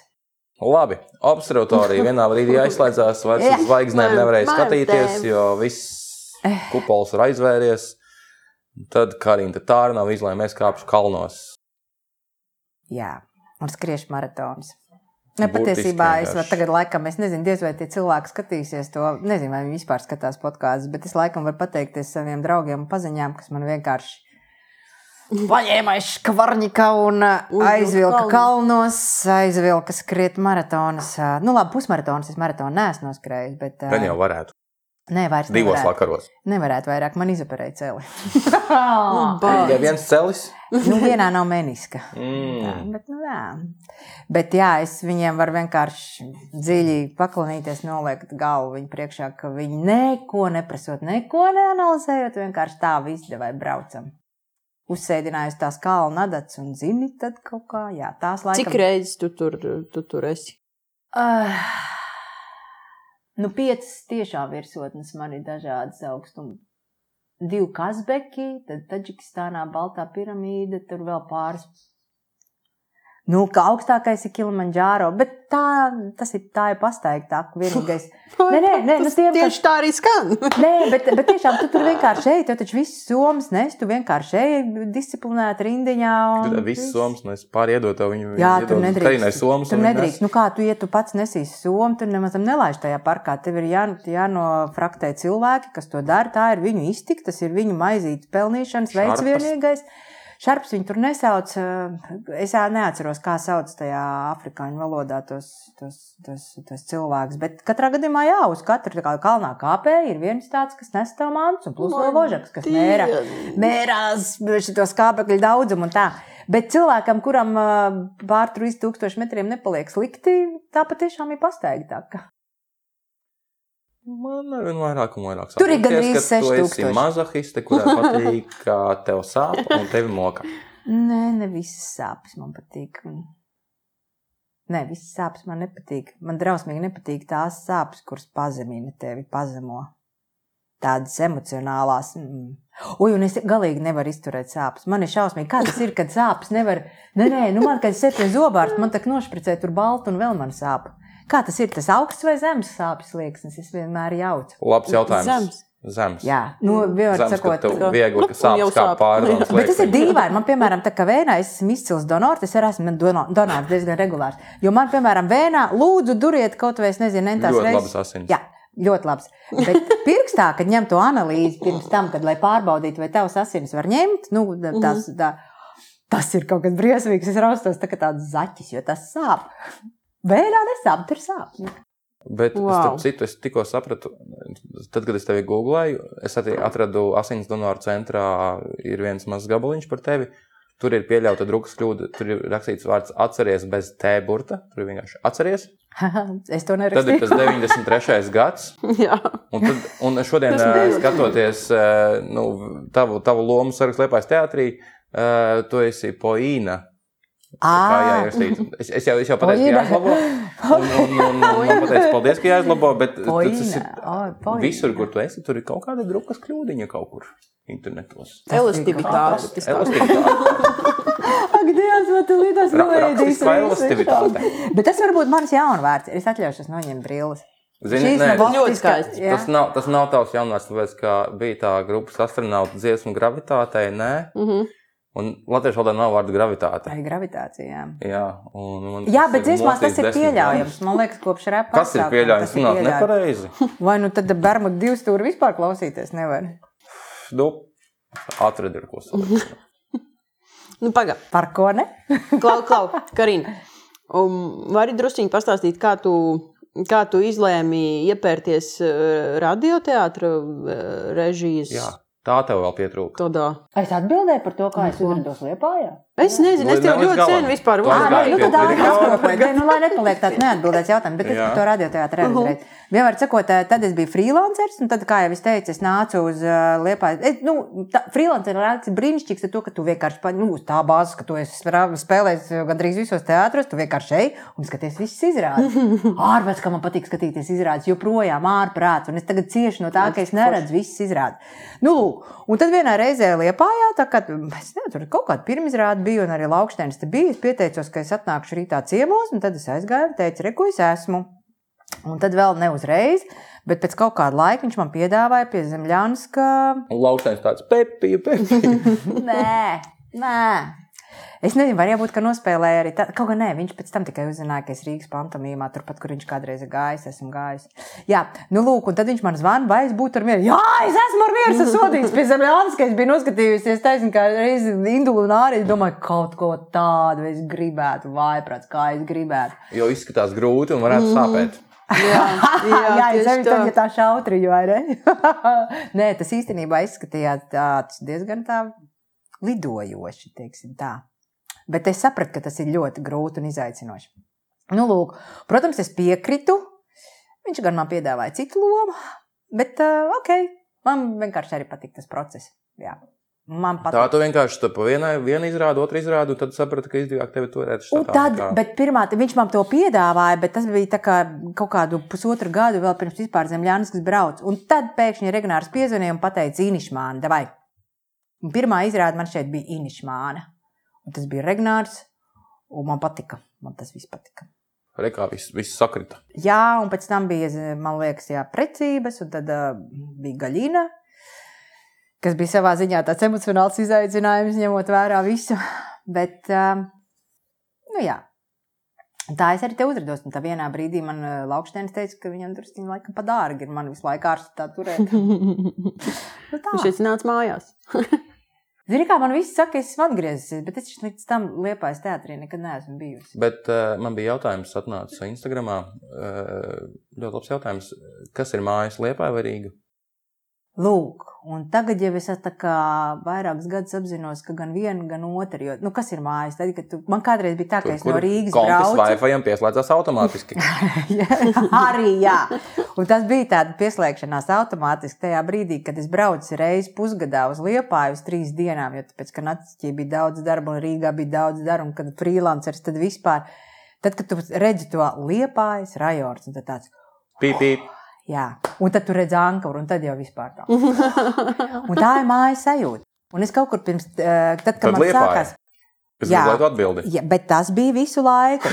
Un tur bija tā, ka tajā brīdī, kad man paņēma štatā, Liepājā, un es arvien vairāk uzturējos šeit, nevis Rīgā, un tie Rīgas darbi kaut kā samazinājās un samazinājās, jo tāpēc, ka bija darbs teātrī, te, tad es vienā brīdī piefiksēju, ka es iebraucu Rīgā, un man arī iestājās tā sajūta. Mhm. Nu, tajā brīdī es Mājas ir vienkārši... tur, kur tevis nav. Tas ir labs formulējums. Tev pat bija hashtag taču. Rīgas darbi. Jā, jā, jā. Un Es nedarbi, paskatījos un tavā nedarbi. Twitterī, tu vispār aktīvi Twitterī. Jā, bet tas ir, ja tu būtu paskatījies pēdējo ierakstu, tad tu saprastu, kāpēc. Nu, tā aiziet, skaties, kas ir pēdējais. Pēdējais ieraksts ir par to, eh, kad sākās Ukraiņas karš, eh, kad visi bija tādi gudrinieki, kad zināja, protams, kā ir pareizāk un kā ir labāk. Un eh, bija tik ļoti ciniski komentāri par to, kas tur notiek. Bet tev neliekas, ka mēs. Ka, nu, Un es uzrakstīju to, ka karš tās ir dzīvības, kuras nav. Un uh, es nu, līdz ar to, kamēr būs karš, es tur neatgriezīšos. Kad man liekas, ka uh, Bet- tad bet- es atgriezīšos tur, tad, kad es varēšu tiešām rakstīt par mākslu.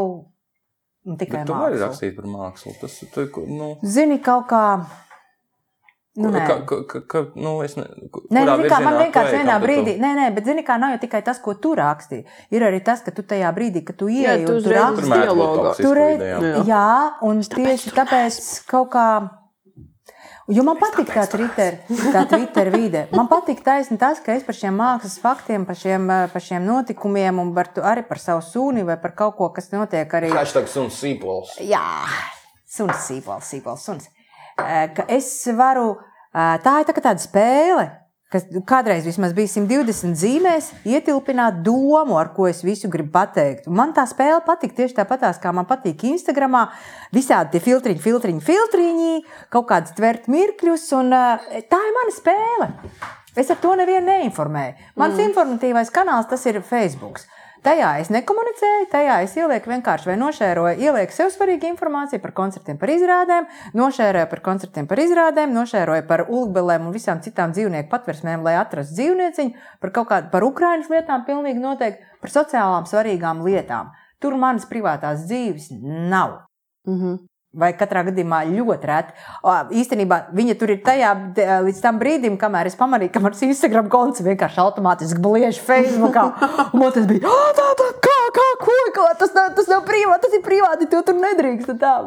Tavs Instagram konts ir, starp citu, tur ir pāri 5000 Jā, eh, spēle. Tas ir Džeki spēlē Uh. vienkārši spēlīts ar futbolu un kārtīm. To es nemāku. Futbolu un kārtīm, kas Tā tavs pagaid, paspēlē. Mums ir rindiņā, jums, mums ir rindiņā jautājums par, uh, par um, radioteātru. bet Es vēl gribu arī zināt, tu vari pastāstīt uh, savu satikšanās stāstu ar sīpolu. Jā, varu.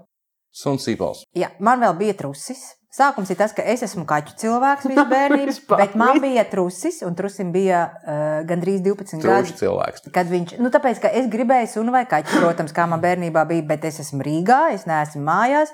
Suns un kaķis pieprasa to, lai kāds par viņu rūpētos. Un tad es izdomāju, ka man būs bruņurupucis. Un mēs aizgājām, es, Sāna Melbārdu un Ainārs Ančevskis. Mums bija kaut kāda halcenīta, kā Pepijai, Annikai un Tomijam uh, Alfā. Tur ir zāveikals, un es teicu, paklau tā, līdz nākamajai tūrei mums ir Pēpijai laiks. vajag bruņurupuci, nevis Es ej, zirgu. ejam pirkt bruņurupuci. Un bruņurupuča nav. Mērgaķīt tev vajadzēja. Nē, tu ko tu vispār dabūt nevar. Es esmu mēģinājis savam krustēvam pierunāt, lai viņš no ārzemēm atved, jo viņš ir jūrnieks, kapteinis. Nē, nevarēja. Man, bet man ir aizdoms, ka tur man mamma pateica, jo viņai bija teicis, ka mums vēl vajadzētu vannā krokodilu, un tad būtu pilna kompānija. Uh, jā, bet uh, tur mēs aizgājām, bruņurupača nav. Un tajā brīdī Ančevskis ar uh, Annu tā paklausījās, bet paskatīs, kāds tam īsti trusīts un tā tālāk. Un tā. Nu, pēc tās otrā piegājiena, Pepijas un Annikas un Tomika, mēs aizgājām uz turieni. Un, jā, viņi bija paspējuši arī iegādāties pīta groziņu, un es iegādājos trusi. Pirmo trusi. Labi, haltūra var sev paucināt. Jā, Trusi. pirmo trusi. Pirmais trusis Nevis turēja četrus gadus. saldētās gaļas sadaļā, bet uz zooveigalu pēc trūša. Jā, jā, bet tur ir arī interesants stāsts. Kam patīk stāstīt par dzīvniekiem? Es mēģināšu to tādu. Vienmēr sakot, tur bija tas, ka es nopirku trusi, un tā kā mums bija superdetektīvs Blunkvists, kurā manai varonai bija kaķis tuse, tad man bija tuse, truse, tā tā arī nav. T, T, T. Ančevskis deva vārdu. Viss bija brīnišķīgi. Viņa nodzīvoja četrus gadus, piedzemdēja divus bērnus. Tad viņai bija džeks arī.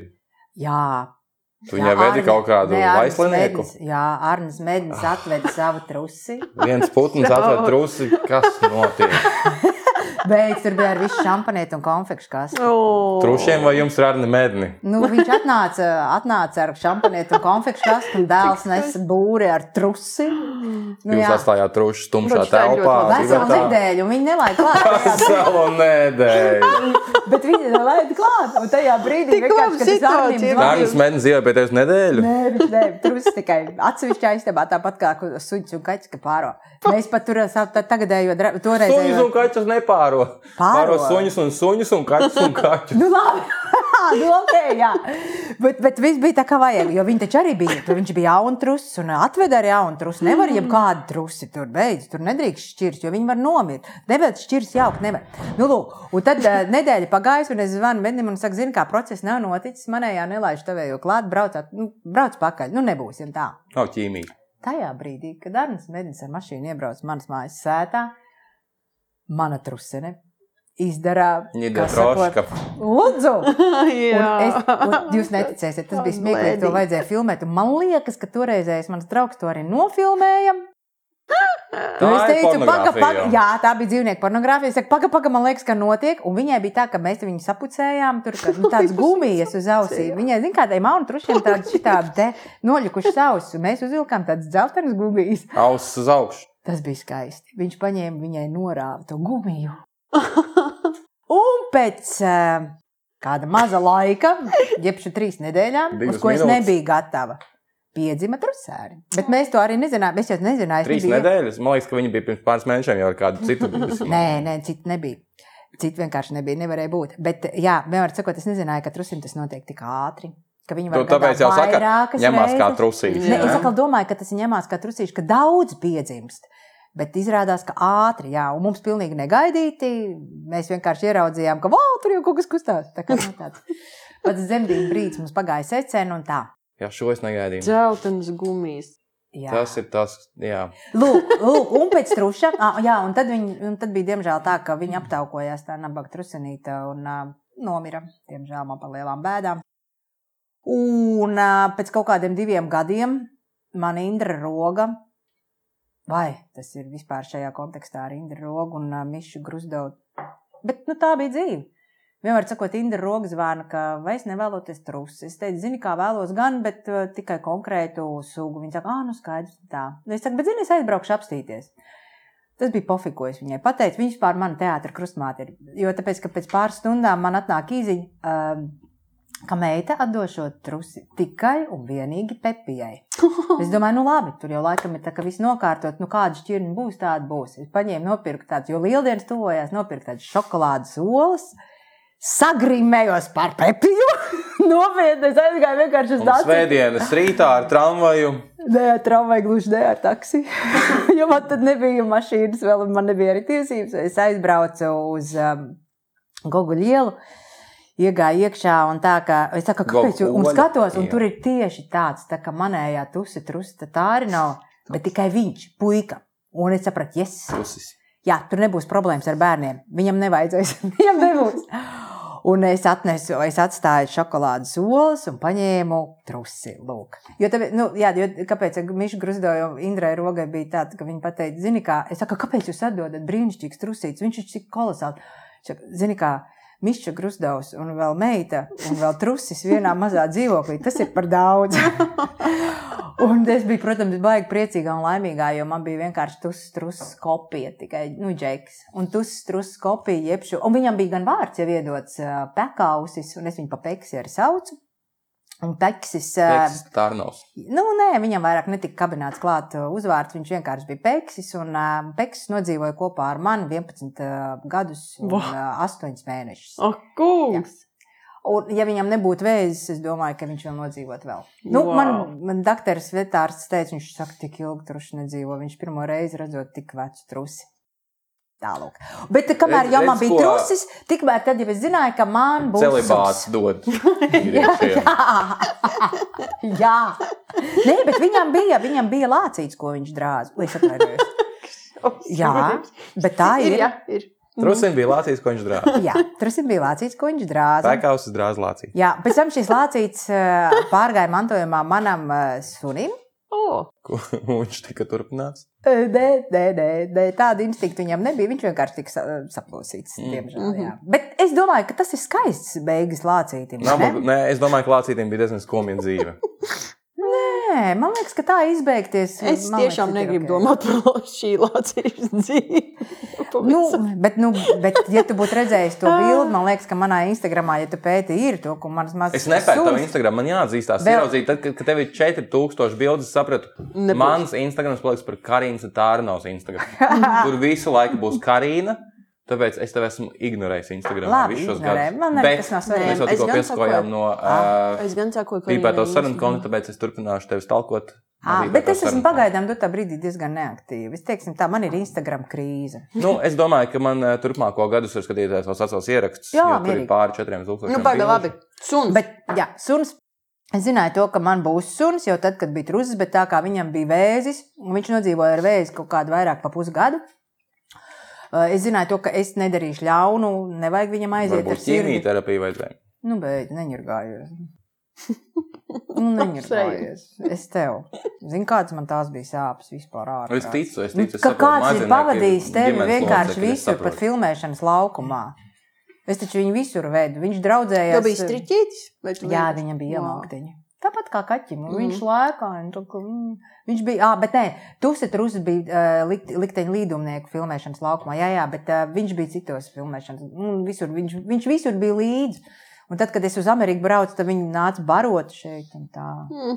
Jā, tā kā nu tā, un ka tev kāds ir bijis blakus 11,5 gadus, nu, tas ir vairāk. Mm, Tas ir tā, un tad viņš vienkārši Un tā ir ģimene. Nolaid nu, tā aiziet. Tas bija tāds. Jā, lūk, un tad es uzkāpu Kazbekā otro reizi un sapratu, ka es laikam tajā sniega vētrā esmu nopelnījusi suni. Es atbraucu no Tbilisī, tajā pašā naktī iegāju vienkārši Ulubēlas mājaslapā, un tur viņš bija. Bet es tā kā braucu nākamā dienā pakaļ, nu kā, es braucu vienkārši iepazīties. Es domāju, man ir pilnīgi vienalga. Jauns, vecs, garspalmains vai kāds, bet tas suns, kas uz mani skatīsies tām acīm, ka es sapratīšu, ka viņš mani izvēlās, to es arī ņemšu. Un kaut kā sakrit tā, ka vienīgais no visiem suņiem, visi bija izvests staigāt, un vienīgais no suņiem, kas nebija paņemts staigāt, bija kā reiz uh, sīpols. Viņi jau toreiz sauc sīpols. Nē, tu vārdu iedeva maize doveiks dēls. Ja Ļoti viņi no sākuma gribēja viņu nosaukt par sniedziņu, tad es teicu, kas par sniedziņu? Kāds sniedziņš? Tad Viņš uzvedās kā sniedziņš. Bet viņš bija pilnīgi balts, zin kā, Nu, tāpēc es arī vārds. Bet tagad, kad mēs viņu nosaucam par sīpolu, un uh, viņš auga, un viņš patiešām ieguva tādu sīpolu krāsojumu, jo, Ir, ir ja var bišķiņ, jā. redzēt bildēs, viņš ir tāds balti ar tādiem brūniem sīpolainiem laukumiem. Tās Un- lieldienas tev ir tuvu, tuvu tēma, laikam. Jā, mums katrs lieldienas ir jautrs. Ar komentāriem. Un tā Karina tika pie suņa. Un tā es tiku pie suņa. jā. Es aizbraucu iepazīties, un mm, jā, tā mēs esam kopā. Mhm. Ok, nu un radioteātris. Un tagad radioteātris. Nu, pandēmija, mm, direktora e-pasts visiem, visiem aktieriem, un laikam ne tikai, ka mēs varam kaut kādā veidā radoši izpausties, gaidu atvērts piedāvājumiem.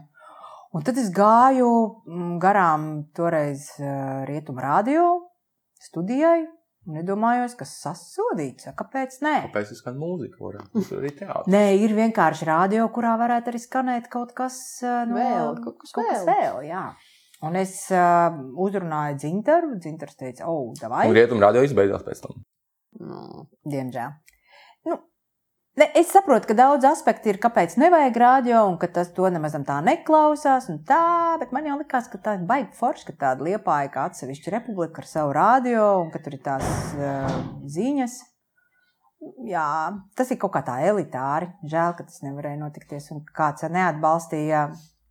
mm, Ko liepais pašvaldība neatbalstīja to tādā veidā, ka tas Nu, ka tomēr nesanāktu tā kā ar teātra observatoriju. Nu, jā, arī taisnība. Ka nepaliek par pašvaldības ruporu. E, Nu, bet, zini, kā, ja tu informē nevis politisko nostāju, bet to, kas notiek pilsētā, tas varbūt nav nemaz tik slikti, jo mūsdienās jau to laiku rakstu nemaz tik ļoti nepērk. Man liekas, ka baigi svarīgi tomēr vietā, kas, kurā tu dzīvo, zināt, kas tur notiek. mm. Gan to, kas kultūrā notiek, jo man, piemēram, brīžiem diezgan pietrūkst kaut kāda uh, informācija par to, kas kaut vai te kultūrā un dažādās Kalendārs citās punkts liepā sfērās. punkts. Nē, tas neinformē. Ļoti bieži tajā Tas kalendārā LV nav kaut kādas, piemēram, šīs te underground vietas, kaut kādas. Man liekas, ka tas ir baigi forši, ja ir kaut kāda vieta, kur to var tā kā atnākt un noinformēt par to. Jo, nu, labi, es varu nepārtraukt sēdēt Facebook lapā, kaut kam piesakoties. Man, piemēram, un... rādio patīk, tāpēc, ka tur ir tas negaidītības moments. Es nezinu, ko man teiks, bet es klausos tieši tāpēc, ka ir forši kaut ko uzzināt, Ah, jā. negaidīt jaunu. Nu, tā. Rādījumā liekas, vienkārši ir eh, nu, kaut kādā ziņā mirstošs mēdījis. Nē, es domāju, ka nē. Tu klausies radio eh, mašīnā, Jā. kur vēl? Mājās. Nu, labi, mājās, virtuvē gatavojot ēst, tad varbūt tev vannas istabā skan radio, kamēr tu esi vannā. Nu, jā, es esmu radio tajā, tā, cilvēks. Man skan arī, es nesāju tumbiņu līdzi arī vannas istabā. Mans suns, piemēram, tas ir pie pirmā rādio viens, viņš paliek mājās. Tā kā jāatstāj, viņš ir viens un viņš sabēdājās, tad mēs vienmēr ieslēdzam rādio viens.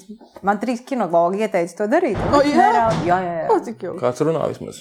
O, Jā, runā, un tur nav tik daudz mūzikas. jo Es tā kā mēģināju pierunāt tos kinologus. Varbūt var Latvijas Rādio 3 un tā. Nē, nē, nē. Latvijas Rādio 3 nedrīkst. Tā kā es esmu mājās, tad Varbūt skan Latvijas konto, bet ne jau Rādio Latvijas 3. Radio 3. Nē, nu, mums ir tā sadalīts. No, no rītiem, tad, kad es eju pašā sākumā dušā, tad man skan Sipeniece un uh, Romanovskis, jo viņi baigi forši plēš jokus. Un ir kaut kāds ziņu bloks ātrais un tāds, un viņa tā jautrība. Pēc tam ir radio SVH ar Sandējus un mm -hmm. Breidaku. Pat slēgā stacijas, ja? Jā, Wow. wow. kas man tur man ir? Manējais telefons savienots ar tumbiņu vienkārši, un es viens, divi un pārslēdzu. Man patīk, piemēram, tas pats SVH Fredozauras Reks. Ļoti patīk šis raidījums. Skaidrs, tu radio klausies no Kā Lielākoties, jā, jā, jā. Bet es nedzīvoju tukš, tajā klusumā. Man grūti klusumā. Man arī. Un ā, līdz ar to, ka es brīžiem esmu baigs linkā, teiksim, sastādīt Spotify kaut kādu savu playlisti, tad es, piemēram, nu, ļauju to izdarīt, nu, svētdienas vakaros Aināram Mielavam. Ā, Jo ne ir viss man patīk. Jā, bet man patīk tas, kā viņš veido šo radio formātu. Tā ir viņa gaume, viņa kaut kāds vēstījums. Man patīk klausīties to viņa vēstījumu, viņa personību, kādu tas skaitina. Bet brīžam man arī liekas, ah, tu atkal esi panīgra vēl kaut ko, un es šīs man nepatīk. Bet, eh, Bet tas ir viņa autora raidījums, tāpat tās tā kā Fredim, viņa autora raidījums. Tagad, starp citu, arī ir Dankfeldam, eh, bet baigi īsais vienīgais. Man prasīja, tas Tie Meksikas. Meksikas, jā, Meksikas le- eh, leksika. Meksikas leksikas. Jā, tāds, nu, pirmām kārtām, kāds ir ievācis informāciju, un un es to uzzinu. Tāpat tās Anša Pūpola tie raidījumi man patīk vakaros klausīties. Kāds ir ievācis informāciju, un es ļoti daudz ko uzzinu, tālāk es pat varu parakņāties. mm. Lūdzu, jums ieteikumi no Tārnovs par radio, kas jāklausās. Jā, bet es īstenībā domāju, vispār ir vērts parakņāties un paklausīties arī tie, kas neklausās tikai mūziku, bet arī kaut kādas informatīvas Latvijas Rādio 1. Jo viņi, man liekas, ir pagaidām vismazāk komerciāli un vismazāk. ā, Nu, tas ne, ir valsts protams, mēdīs vienkārši. E, Jā, jā un Sabiedriskais tur arī, mēdījis. protams, var piekrist, ka ir kaut kāda arī kaut kāda. Starp citu, visi viņu raidījumi ir arī podkāstos, podkāstu Jā, formātā. bet, ļoti piemēram, visas šīs diplomātiskās uh, vakariņas, un vai kā viņas tur nu, pusdienas. pusdienas. Jā.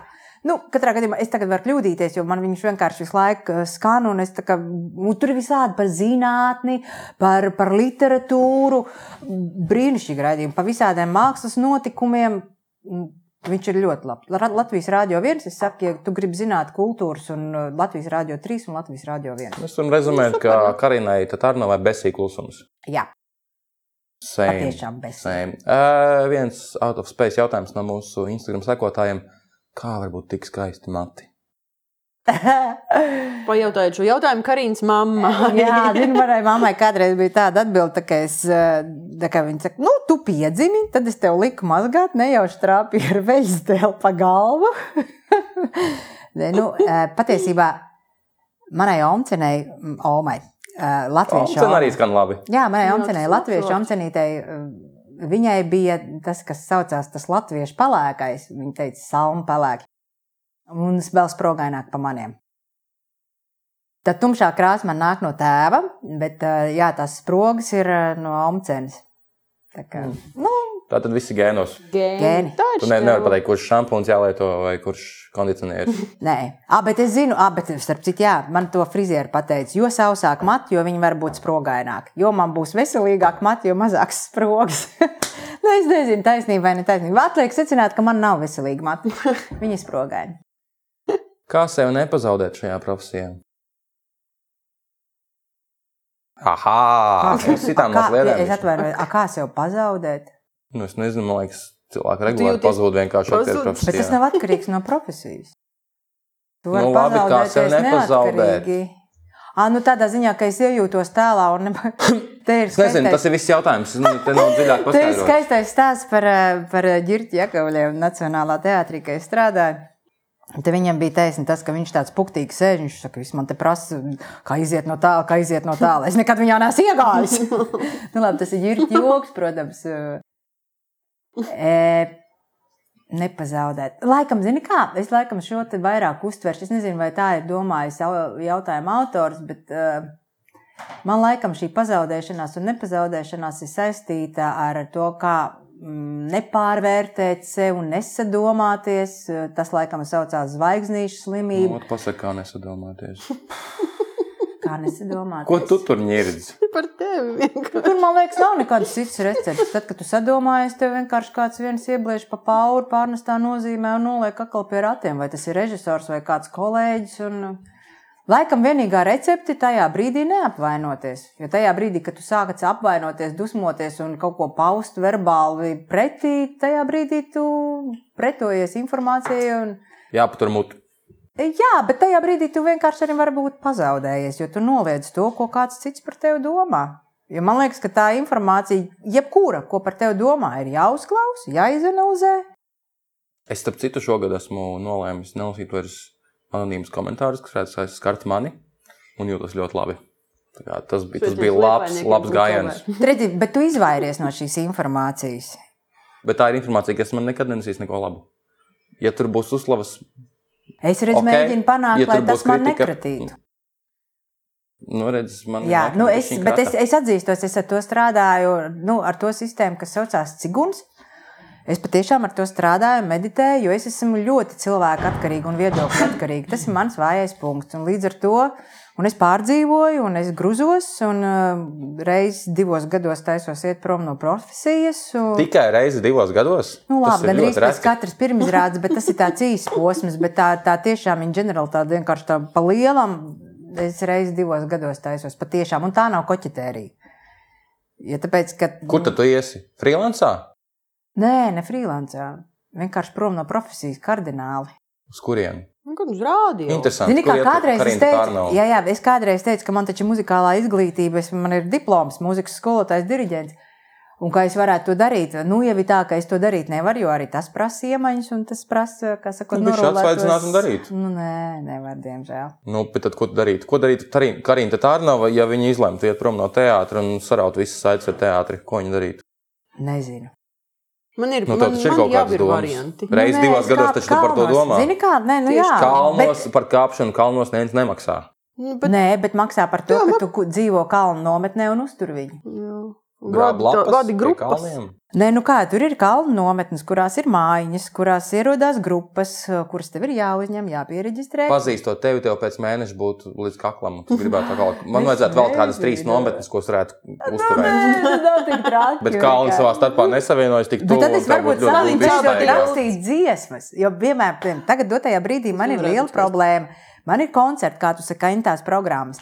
Un man ir tā, ka tikai kaut kādas trīs no šīm mentālajām programmām es varu teikt, es zinu, kāpēc es dziedu, un tajā jūtos labi. Un uh, man liekas, ka es kaut ko falšoju. Nu, ka, man galvenais ir, ja, ka es uztaisu to programmu, saprast, kāpēc es to dziedu, kāpēc un kam es to gribu kaut ko teikt. Arī dziedot. Jo, nu, es esmu aktrise. Es neesmu dziedātāja, man nav tādas ikdienas eh, iemaņas. eh, Un kāpēc gan kādam nākt klausīties, kā es dziedu svešu cilvēku sarakstītas dziesmas, ja man nav kaut ko papildus, ko teikt ar to? Mhm. Ja, piemēram, tāds vokālists, viņš, protams, labs dziedātājs arī pauž savu mēsīju, bet nu, tomēr vairāk viņš nāk un viņš pauž visas savas balss varēšanas, nianses un tembrus un tā tālāk. Man šīs ikdienās, ikdienā izkopto iemaņu vienkārši nav. Un cilvēki domāja, ka lielākoties, kad nāk uz maniem koncertiem, viņi tomēr laikam sagaida kaut kādu parunāšanos un mēsīju no manis. Un tajā brīdī, kad man vienkārši pasaka, tā, mums te ir viens tāds koncerts, mums vajadzētu, lai jūs saliktu nu, kaut ko no tām visām dziesmām, ko jūs darat. Un tā, kad sali... es salieku, atzīstos, jo tāpēc, ka naudiņa ir jānopelna, un gal galā tās ir dziesmas, ko es tik un tā esmu kādreiz izvēlējusies. Un tad tu dziedi to programmu un saproti, A, kāpēc? Naudiņa. Nu, tā Nav. jau nav motivācija. Ne, nu, ne, tā ir motivācija, bet uh, nu, ne tā tā, atstāja jau tādu baigi tādu slikto pēcgaršu. tā naudiņa negaršo labi. Nē, bet tiešām, nu, Karina Tārna nav aiziet prom no teātra. Ko tad darīt? Es nezinu, tā ir arī tā drāma. Es Nu, tagad nezinu. Tad vēl nē. Jā, nē, nē, nē, nē, tas, teiksim, ja man nav kur iet, tas nenozīmē, ka nevajag iet. Nē, nu, Es nezinu. Beidz, ne- tu jau vienkārši nē, nē. jau Madarai sačakarēji uzvārdu. Vienkārši izbeidz. Tagad tikko. es uzlaboju viņai uzvārdu. Nē, tu sačakarēji viņai uzvārdu. Kurai Madara? Kur živecai? À, Tu varbūt tagad viņu biji pie nepazīsti, jo tā ir Madara Kalna. Jā, es nezinu, es arī zinu to, ka viņi bija Krževits. Bet, vai Krževits, es atvainojos man. Bet, eh, jā, bet a, tu, tu izvēlējies viņai vā- uzvārdu. Nē, es nezinu, es viņai pateicu, ka, nu, kurš to var izrunāt, un tad viņi paiet mēnesis, viņi nomaina to uzvārdu. Bet viņai kaut kā tas viss organiski bija. Es, starp citu, arī tā, kad es sāku teātrī strādāt, es domāju, ka man ir jāmaina, bet tad es domāju, nu. Tev nē. jāmaina. Oi, Ko ja tu zinātu, ja tu zini, nu es nezinu. Man, piemēram, Omas uzvārds bija Cīrule. Es varēju pilnīgi mierīgi būt Karīna Cīrule. Karina Cīrula, nu ir jau Agnes Cīrula. Nē, Pilnīgi sāp muguru. Tajā laikā nebija. Ha, bet, uh, uh, jo es esmu daudz vecāka par Agnesi. Nu, lūk, 93.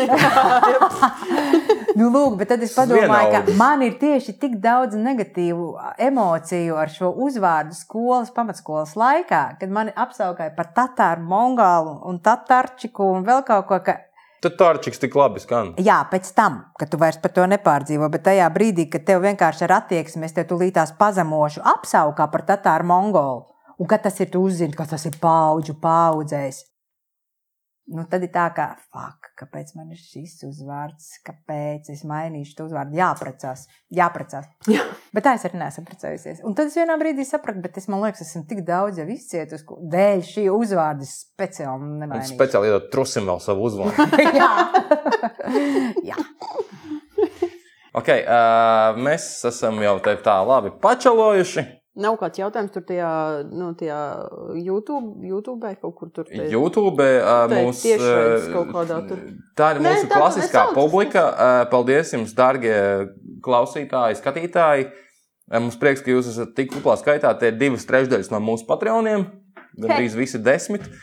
Uh, bet jūs kā parasti esat vērotāji un klausītāji, bet aktīvi neiesaistāties. Par ko es nedusmojos, tas viss ir fini un tas viss ir jauki. A, kāda ir statistika? Tas tas ir. Balzām. Nu, Kāda es mazliet statistika, vai tā, ka- man uzdod vairāk jautājumus, vai neuzdod nemaz? Vai Maz jautājumu bija maz. Nu, maz. tā. Nu, labi, kad, Bet, eh, kad tas- tu tas vispār nav- ieliki tas, to tas, tas nav rādītājs. Tas nav rādītājs. Tas neko nenozīmē. Absolūti neko nenozīmē. Eko pēkšņi atkal kāds pienāca. Bija 9, tagad ir 10 pēkšņi. Viss kārtībā. Bet tā, šī, šāda tiešai mums nav bijusi, ja? Par radioteātri parunāsim? Aiziet! Nu, stāsti. Tā tad pandēmija. Ne, tāpēc es arī tā kā, jā, būšu atklāta. Es piekrītu šai sarunai. Domāju, ko par mani vēl var noskaidrot un kam tas interesē. Bet, Bet man re- interesanti. Par trūšiem Par trūšiem! Bet, bet, Tik man, ģeniāli. jā, jā, bet eh, man tā kā vairāk interesēja izstāstīt to, kas mums te notiek ar radioteātri. Un radioteātrim atkal jauns iestudējums, un šoreiz citādāks nekā vispārējie, jo mēs esam piesaistījuši jaunos mēdījus. Un uh, tas ir ne tikai klausāms, būs, bet arī skatāms. Oh, Liepās YouTube. nosauc jaunie mēdī.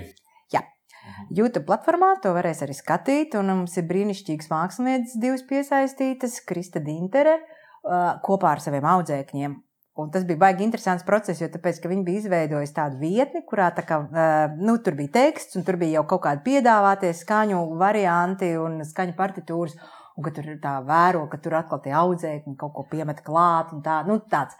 un tad ir Diana Lelis, kas arī to visu vizualizējusi ir. Un tad, nu, protams, arī ņemot uh, palīdzību tālāk kā Armāna Kaušeļa bildes.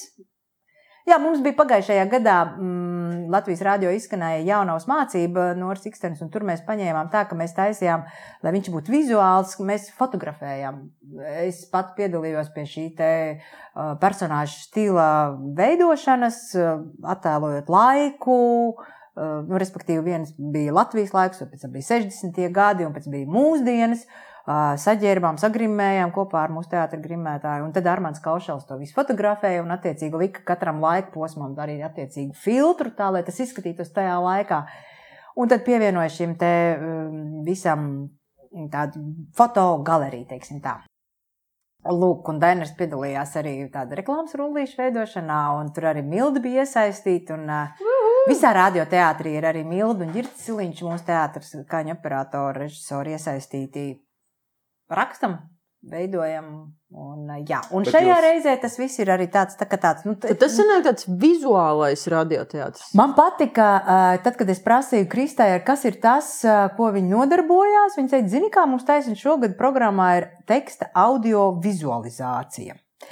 Rezultāts, kas ir iznācis tagad, to gluži, cik es saprotu, nesauc par audio vizualizāciju. Nē, tas ir kaut kas cits, bet principā tā kā nu, šī programma un šīs programmas bāzes tika veidota. Kā to varētu nosaukt? Bet, nu jā, katrā gadījumā Kristis Dinter veidoja šo skaņu partitūru, mūziku, kā es saku, un uh, Diana Lēlis taisīja. Kur to var redzēt?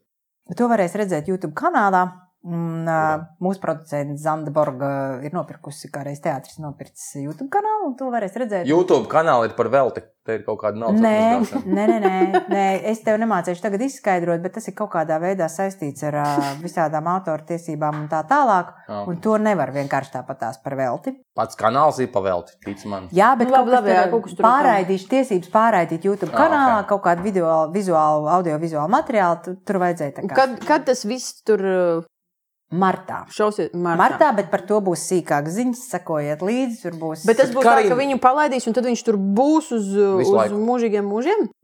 À, to es nenoskaidroju, bet man liekas, ka jā, jo katrā Es gadījumā ceru. viņi neteica par kaut kādu laika limitu. Bet katrā gadījumā visu zināšanai tas, kas ir izskanējis Latvijas rādio, jo nu jā, mēs sākām ar to, ka tas bija rietumu rādio taisīt šie te Covid laikā visi audio, lūgu audio teātra darbi. Tad uh, tas skanēja rietumrādio, tā kā rietumrādio aiztaisīja ciet. Uh, tad es uh, paprasīju Mārai Eglītē no Latvijas rādio, vai tu vēlies. Viņa priecīgi atsaucās, un uh, līdz šim brīdim ir izskanējis tas, ko mēs tajā laikā ierakstījām, kā četri raidījumi, vēl četri skanēs. Arī uh, 14. martā, no 14. līdz 17. martam skanēs Latvijas rādio, radioteātra laikā 22. Uh, 00. Nu, katrā gadījumā kaut kad tad, bet 22. Latvijas radioteātra laikā skanēs Liepais radioteātra četras epizodes, tie ir dažādi stāsti, jo mums vajadzēja iekļauties formātā 45 minūtes, mm -hmm. un tad tur būs uh, Nora Ikstena, tur būs uh, Aivars Kļavis, tur būs arī iespējams, ka Orbīta, nezinu, ko viņi izvēlēsies no tā vēl. Uh, Jā, un mēs, viss tas, kas skan Latvijas radio teātrī, pēc tam ir klausāms arī Liepājas teātra mājaslapā atrodams. Izcili. Um, es te klausos tevī. Taisīt speciālas fotosesijas, grimēt aktierus, eh, to visu ierakstīt. Varbūt tev vienkārši vajag taisīt teātri. Es to esmu teikusi. Liepājas, uh, Liepājas uh, pašvaldībai. nē, nē, es, es tagad. Pa, Labdien, pašvaldība! Jā, sveiki! Un tā, tagad es izmantošu šo te gadījumu, ka ā, tie, kas klausās, varbūt rakstiet un pasakiet uh, Liepājas pašvaldībai, Gunārs vajag. Ansiņš, Gunār, Jā, Ansiņš nāks pie mums uz, uz epizodu varbūt kaut kad drīz. jā, un godīgi sakot, es to viņš tu Ko neteicu, viņam nodot to- no tevis? Viņam nodot sveicienus un pateikt, ka neesmu atradusi cilvēku, kas to darītu. Jo tajā brīdī, kad es viņam teicu, zini, kā vajadzētu pie Liepājas bibliotekas izveidot radioteātru, Liepājas radioteātru lapu vietni, un tā viņš saka, kas ir vajadzīgs, nu, tev vajag naudu. Es tā apmulsu, nu, principā, jā, viņš saka, labi, es tev dabūšu naudu, dabūnu man cilvēkus. Es šos cilvēkus neesmu atradusi. Problēma ir tavā pusē. Jā, laikam. Nevis problēma, bet bumba. Bumba. Ah, Problēma Jā, es bumba. ceru, ka tajā brīdī, kad es atradīšu, jo tie ir vismaz divi cilvēki, tas, godīgi sakot, nav nemaz tik viegli, ka tajā brīdī, kad tos divus cilvēkus es atradīšu, Kādu cilvēku vajag? Īsts gars, kāds Vienam ir, Viens zibs. kurš varētu ar visām autortiesībām krāpēties. Jā, autortiesības un projekti, jo tāpēc, ka, lai kaut ko ierakstītu, tas tomēr maksā gan skaņu operatoram, režisoram, gan studijā, gan, gan arī aktieri, gan režisors, gan arī skaņas dizains. Tas viss maksā komponists, tas viss maksā naudu un viņi iegulda lielu darbu. Un, tas, bet, bet tās ir arī, kā sakot, jaunas peļņas iespējas, jaunas darba iespējas. Tas ir, vēl sakot, es domāju, ka tur ir nepieciešams uh, tehnisks cilvēks, uh, kas uh, var gan rakstīt, gan arī apstrādāt šo rakstīto. Tas ir tas skaņu režisors, kas saņem adekvātu naudu par šo. Tālākais jau ir piemeklēt režisoru un aktierus. Tas ir atkarīgs no projekta. Mēs turpinām kā karjeras, karjeras podkāstu. Un es uzsveru to, ka es nevēlos būt vienpersonīga režisora. un, Es ļoti laipni arī aicinu jebkuru citu, kas vēlās pamēģināt sev radio režijā, audio režijā, šeit pieteikties, kā to izdarīja, piemēram, tajā pašā Liepais radioteātrī Ģimpe Trenko. Viņš brīnišķīgs orbītas stāsts uztaisīja, norežisēja ar jaunajiem aktieriem. Tā kā, lūk, un tad ir vajadzīgs šis juridiskais cilvēks, kas zina visus šos līgumus, autortiesības, jo tā ir baisākā papīra darīšana, mm, diemžēl.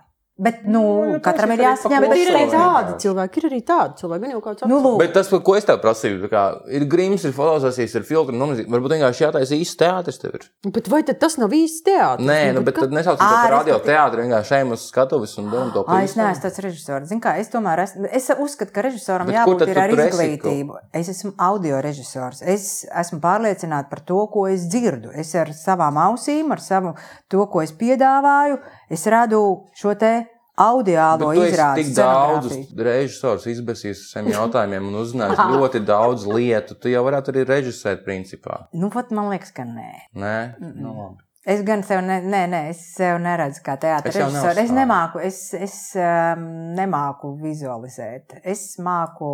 Audializēt. Jā, padod mums, lūdzu, to maisiņu. o, man būs dāvana. Nē, Nē, Nē? Nē. tik dāsni mēs vēl neesam. Tam visam vajag naudu, tur vajag juridisko cilvēku uzreiz. un Atkal Tā, nekā, ja gribas nu dāvanas, tas ir sarežģīti. Bet uh, dāvana būs kādam no mūsu patroniem. 18. martā uh, divi cilvēki, mūs, viens no mūsu patroniem un viņa draugs, draudzene uh, Trus. Trūcis, whatever, uh, nāk uz izrādi Kaija Liepais teātrī. Dmitrija Petrenko iestudēto un spēlēs arī Poīna. Paļģi. Uh, Karina Tārnava arī būs, jā. Kaina, tā īdomā. Kaina Tārnava, lūdzu, izvēlēties vienu no mūsu patronu. Šīs? Jā, Nu, lasi. pat, pat Man jāpačē. Ak, šausmas, es esmu dzēru balzā. Tu- Elīna, jup! Elīna J. dodas uz teātri. Mēs sazināsimies ar Elīnu J. Mm, par uh, ielūgumu saņemšanu. Tas nu būtu nokārtots. Uh, vēl kaut kas tāds, vēl viens jautājums, ko mēs vienmēr uzdodam mūsu viesiem, ir. Un vienmēr noignorējam atbildi. Jā, bet vienmēr noignorējam, bet tāpat varianti. interesanti uzzināt, nezinu, paspēšu. kam vajadzētu būt nākamajam šī podkāstu viesim.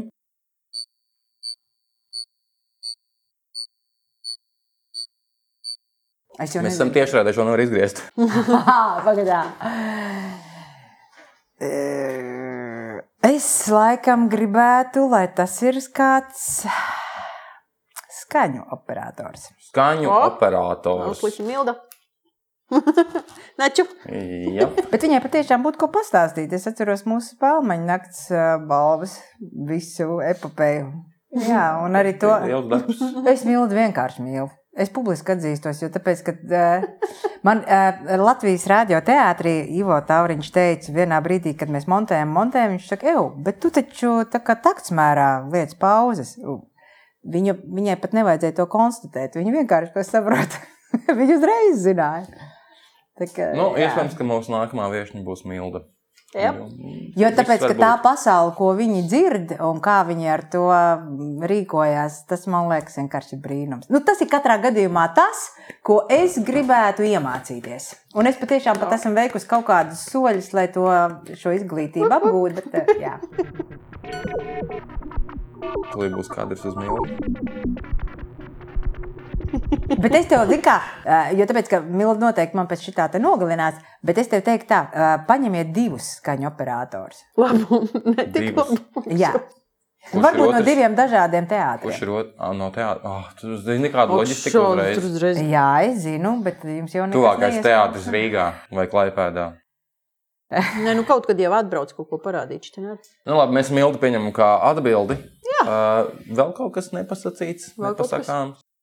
Kas tevi nomācis pašlaik? Nu, kāpēc nomāc, kas tevi iepriecina? Nu, gati! Tātad divi jautājumi. E, Parastās pēcpirmsrāžu paģiras, Mhm. un tās nav Cik tev- pagaid, cik jau- Pirms tev rādio ilgi bija jau pirms jau trim nedēļām divām. Nē, nē, nu, viņas ir drusciņi ielgušas. Kāpēc? Mēs runājam par laiks. šobrīd. Jā, varbūt gada laiks. Ah. Varbūt gada laiks. Jo, Ziema man- nav kājām labvēlīgs. Man īstenībā pirmo reizi tā, ka laikam kaut kāda depresija nāk virsū šajā gada laikā. Es te kaut kā baigi nedepresēju, bet ā, jā, tagad ir tāds, ka kaut kā viņš pa daudz. Es D un C atvainojos. vitamīns. Nu, visi šie apstākļi ar karu, ar laikam vienkārši pēc Covid, jo man ļoti aktīvs Covid bija. Es nezinu, kur kāds atpūtās vai vēl kaut ko. Es Tas ir, tu, tu biji ļoti aktīvi Covid laikā, Covid pandēmijas laikā. Jā, mēs aktīvs ierakstījām Covid. studijā. Vispār man bija ļoti aktīvs Covid. es biju ļoti aktīva Covid laikā. Man viss kaut kas notika. Online mēģinājumi, ieraksti, radioteātrī. To visu varēja darīt gan Rīgā, gan šeit. Un kā mēs tā neizjūtam, ka ir baigais Covid, kur viņš ir. Un kaut kā laikam man nāk uh, virsū šis te pēc-Covid atvilnis, ja tā var teikt. Bet es smaidu par to runājot. Tad, nu, es, es domāju, ka tas jau liecina, ka es ar to esmu tikus galā. Un kā sekretārija ir pirmizrāde. Es nezinu, kā citiem aktieriem, bet, kā jau es teicu, manējā pirmizrāde ir skats izrāde, pēc tam ir divas pirmizrādes. Nu, ok, jā, un tad ir tukšums līdz nākamajai izrādē. Un tad tas ir tik mokoši. Un tas nav atkarīgs no kritiķa vērtējuma. Absolūti. Esi visu laiku Jā, tas no iekšā tā joprojām izrādās, Tas ir bezprocesa laiks. Bezprocess, vot, jā, jā. Tas, ka tu visu laiku esi bijis tajā procesā, un tu visu laiku kaut kas nu, burbuļo, burbuļo, radi, radi, radi. Un tad, Jā, un tad ir uzradīts Karina. un es Bāc, un nevienam neko vairāk padomu. nevajag. Es dodu pa tev padomu, tajā laikā atpūties. Tā kā, saprot, es esmu darbu izdarījusi, tagad es varu mazliet atpūsties. kaut kā neieslēdzās tā atpūta. Mm. Bet tad es saku, ka tad es braucu kaut kur, un man būs arī brauciens. Kas ir Kur? nākamais kalns, ko tu iekaros?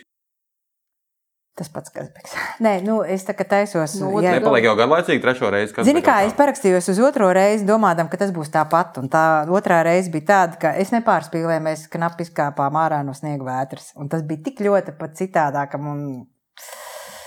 Es biju, es esmu bijis Kasbegā, mēs, bet mēs bijām ar Santu tikai, es biju Zandalēs vienkārši. Jūs bijāt līdz Meteo gan jau, Līdz vai tam uh, klosterim mēs uzkāpām. O, tas ir vēl zemāk. Bet tur ir skaisti. O, to es nožēloju. nu, nē, Es biju Sandalēs. Jā, es saprotu. Birkens tokos nevar kāpt kalnos. Nu, līdz meteo var. Kas ir meteo? Nu, ir meteo stacija? stacija. jā. Uh -huh. Kuram vajag zināt, kāds Nē, nē, laiks ir es, kalnos? eh, šajā reizē es vienkārši jau es zinu to, kāda ir plāna manam vožakam, respektīvi vadītājam Valdim Puriņam, brīnišķīgam vadītājam. Uh, un es ceru trāpīt uz vienu no kasbekiem, uh, jo tur ir blakus vēl viena virsotne. Un uh, es viņam jau teicu, nu, ja mēs kāpsim divās, nu, tad es kāpju arī trešo reizi. Un es baigi ceru uz to. Bet nu, tur ir daudz apstākļu, kam ir jāsakrīt. Gan laikam, Saprotu, gan arī finansēm. kā, uh. Pat tajā zemajā klosterī mani pārņēma trīsas. Bet tā ir Kazbeks ir forša vieta. Ir, ir, ir. Un tur tā mīl Latviju un latviešus. Jā. Mēs iegājām muzejā, un tur stāv latviešu grāmatas, un mēs sākam runāt, izskrien tur trīs sievietes. Ah, jūs esat no Latvijas, jēziņa, ak, kungs. Tā bija tāda mīlestība pārplūstoša. Tas bija tik skaisti. Labi, tas laikam kaut kad ir jāizdara. Jā, Gruzija ir fantastiska vieta. Tā tieši redz ļoti atpaliek. Nekas, Bet, uh, labi. Lai viņi, lai Nē, viņi tagad, tagad es pasniedzu maisiņu. Rasa man pasniedz maisiņu pāri Brīnišķīgi. galdam. Nu, tā ko? Okay, uh, apaļojamies. Apaļojamies, kāpjam kalnos. Ir kaut kas, ko tu vēlēsies kādam kaut ko pateikt? Nu, tad kaut kādas tur naida vēstules, naida sveiciens vai, vai, vai Es vēlos pateikt. Liepājas pašvaldībai, lūdzu, taisam radioteātri, jo tāpēc, ka tas tikai pie mums skaitās joprojām senīli. Tā kā man Ivo Nu, tas Tauriņš teica, Wow! Vācijā tas patiešām ir wow, un tas ir tā, ka ja mūsu jaunieši nevēlas lasīt, un ir arī seniori, kuri nevar vairs izlasīt, tad šādas te audio izrādes, audio grāmatas, audio lūgas, nu tas ir. Tas ir daudz, tas tiem cilvēkiem ir patiešām daudz. Un es zinu ļoti daudz cilvēku, kuri spējīgi lasīt, kur labprāt klausītos vienkārši audio grāmatas, audio lūgas. Un tas būtu darbs mūsu liepais fantastiskajiem aktieriem, kuriem vienkārši krāšņas balsis un uh, Parādi. jā, O! par audio teātri. Uh, Otrakārt, uh, nekrītam depresijā, Mhm, ceļam sev ārā. Es sev šoreiz vilku ārā ar pārgājienu. mhm. Nu, Uz kurien gaiziņu? Nē, starp citu, man draudzene organizē pārgājienu pat vērgala bārta gaviezē, un es došos pirmo reizi kopā Tas ar ir savu sabiedriskais suni. transports, man liekas. ir. Suni. Ar suni, jā. Un es Labāk šausmīgi, šausmīgi sieroju, jā. Jo tāpēc, ka man bail, ka man, nu kā man tā, ka viņu vajadzēs palaist vaļā, un ja nu viņš ieskaries kaut kur kādā lā. Uh, nē, tad, tad, nē. Ok, paldies, tev, Karina, ka tu pie mums ieradies. Ceru, ka nebija baigi Tik- garlaicīgi. Tik traki, Tu ne, ko? man liekas, ka Galvenais, lai vai, vai nu, tavs satraukums tā kā bija pilnīgi nepamatots, droši vien, vai ne? Man nemaz tik liels satraukums nebija. Bija, bija, bija. bija. Nu, labi, druskuļi bija. Jā, Druskuļi bet es bija. domāju, ka viss ir ā, laimīgi beidzies. Un ā, mēs teiksim paldies mūsu klausītājiem tiešraidē. Paldies! Visi pārējie šo saņems pēc dažām dienām, kļūsiet par mūsu patroniem un varēsiet klausīties to tiešraidē un arī piedalīties ar saviem komentāriem. Ā, Jūs joprojām mūs varat sasniegt Facebook lapā, Instagram kontā. Rakstiet visur pīpētavas sarunas un atradīsiet mūs. Vēl Urā! Vēl Urā! Jā, nē, es domāju, ka Kā, indi, būsim kā indiešu valodā pīpētavas sarunas? Nu, ej, Nebūs, jā. Paldies, visu labu! Atā! Čau! Čau!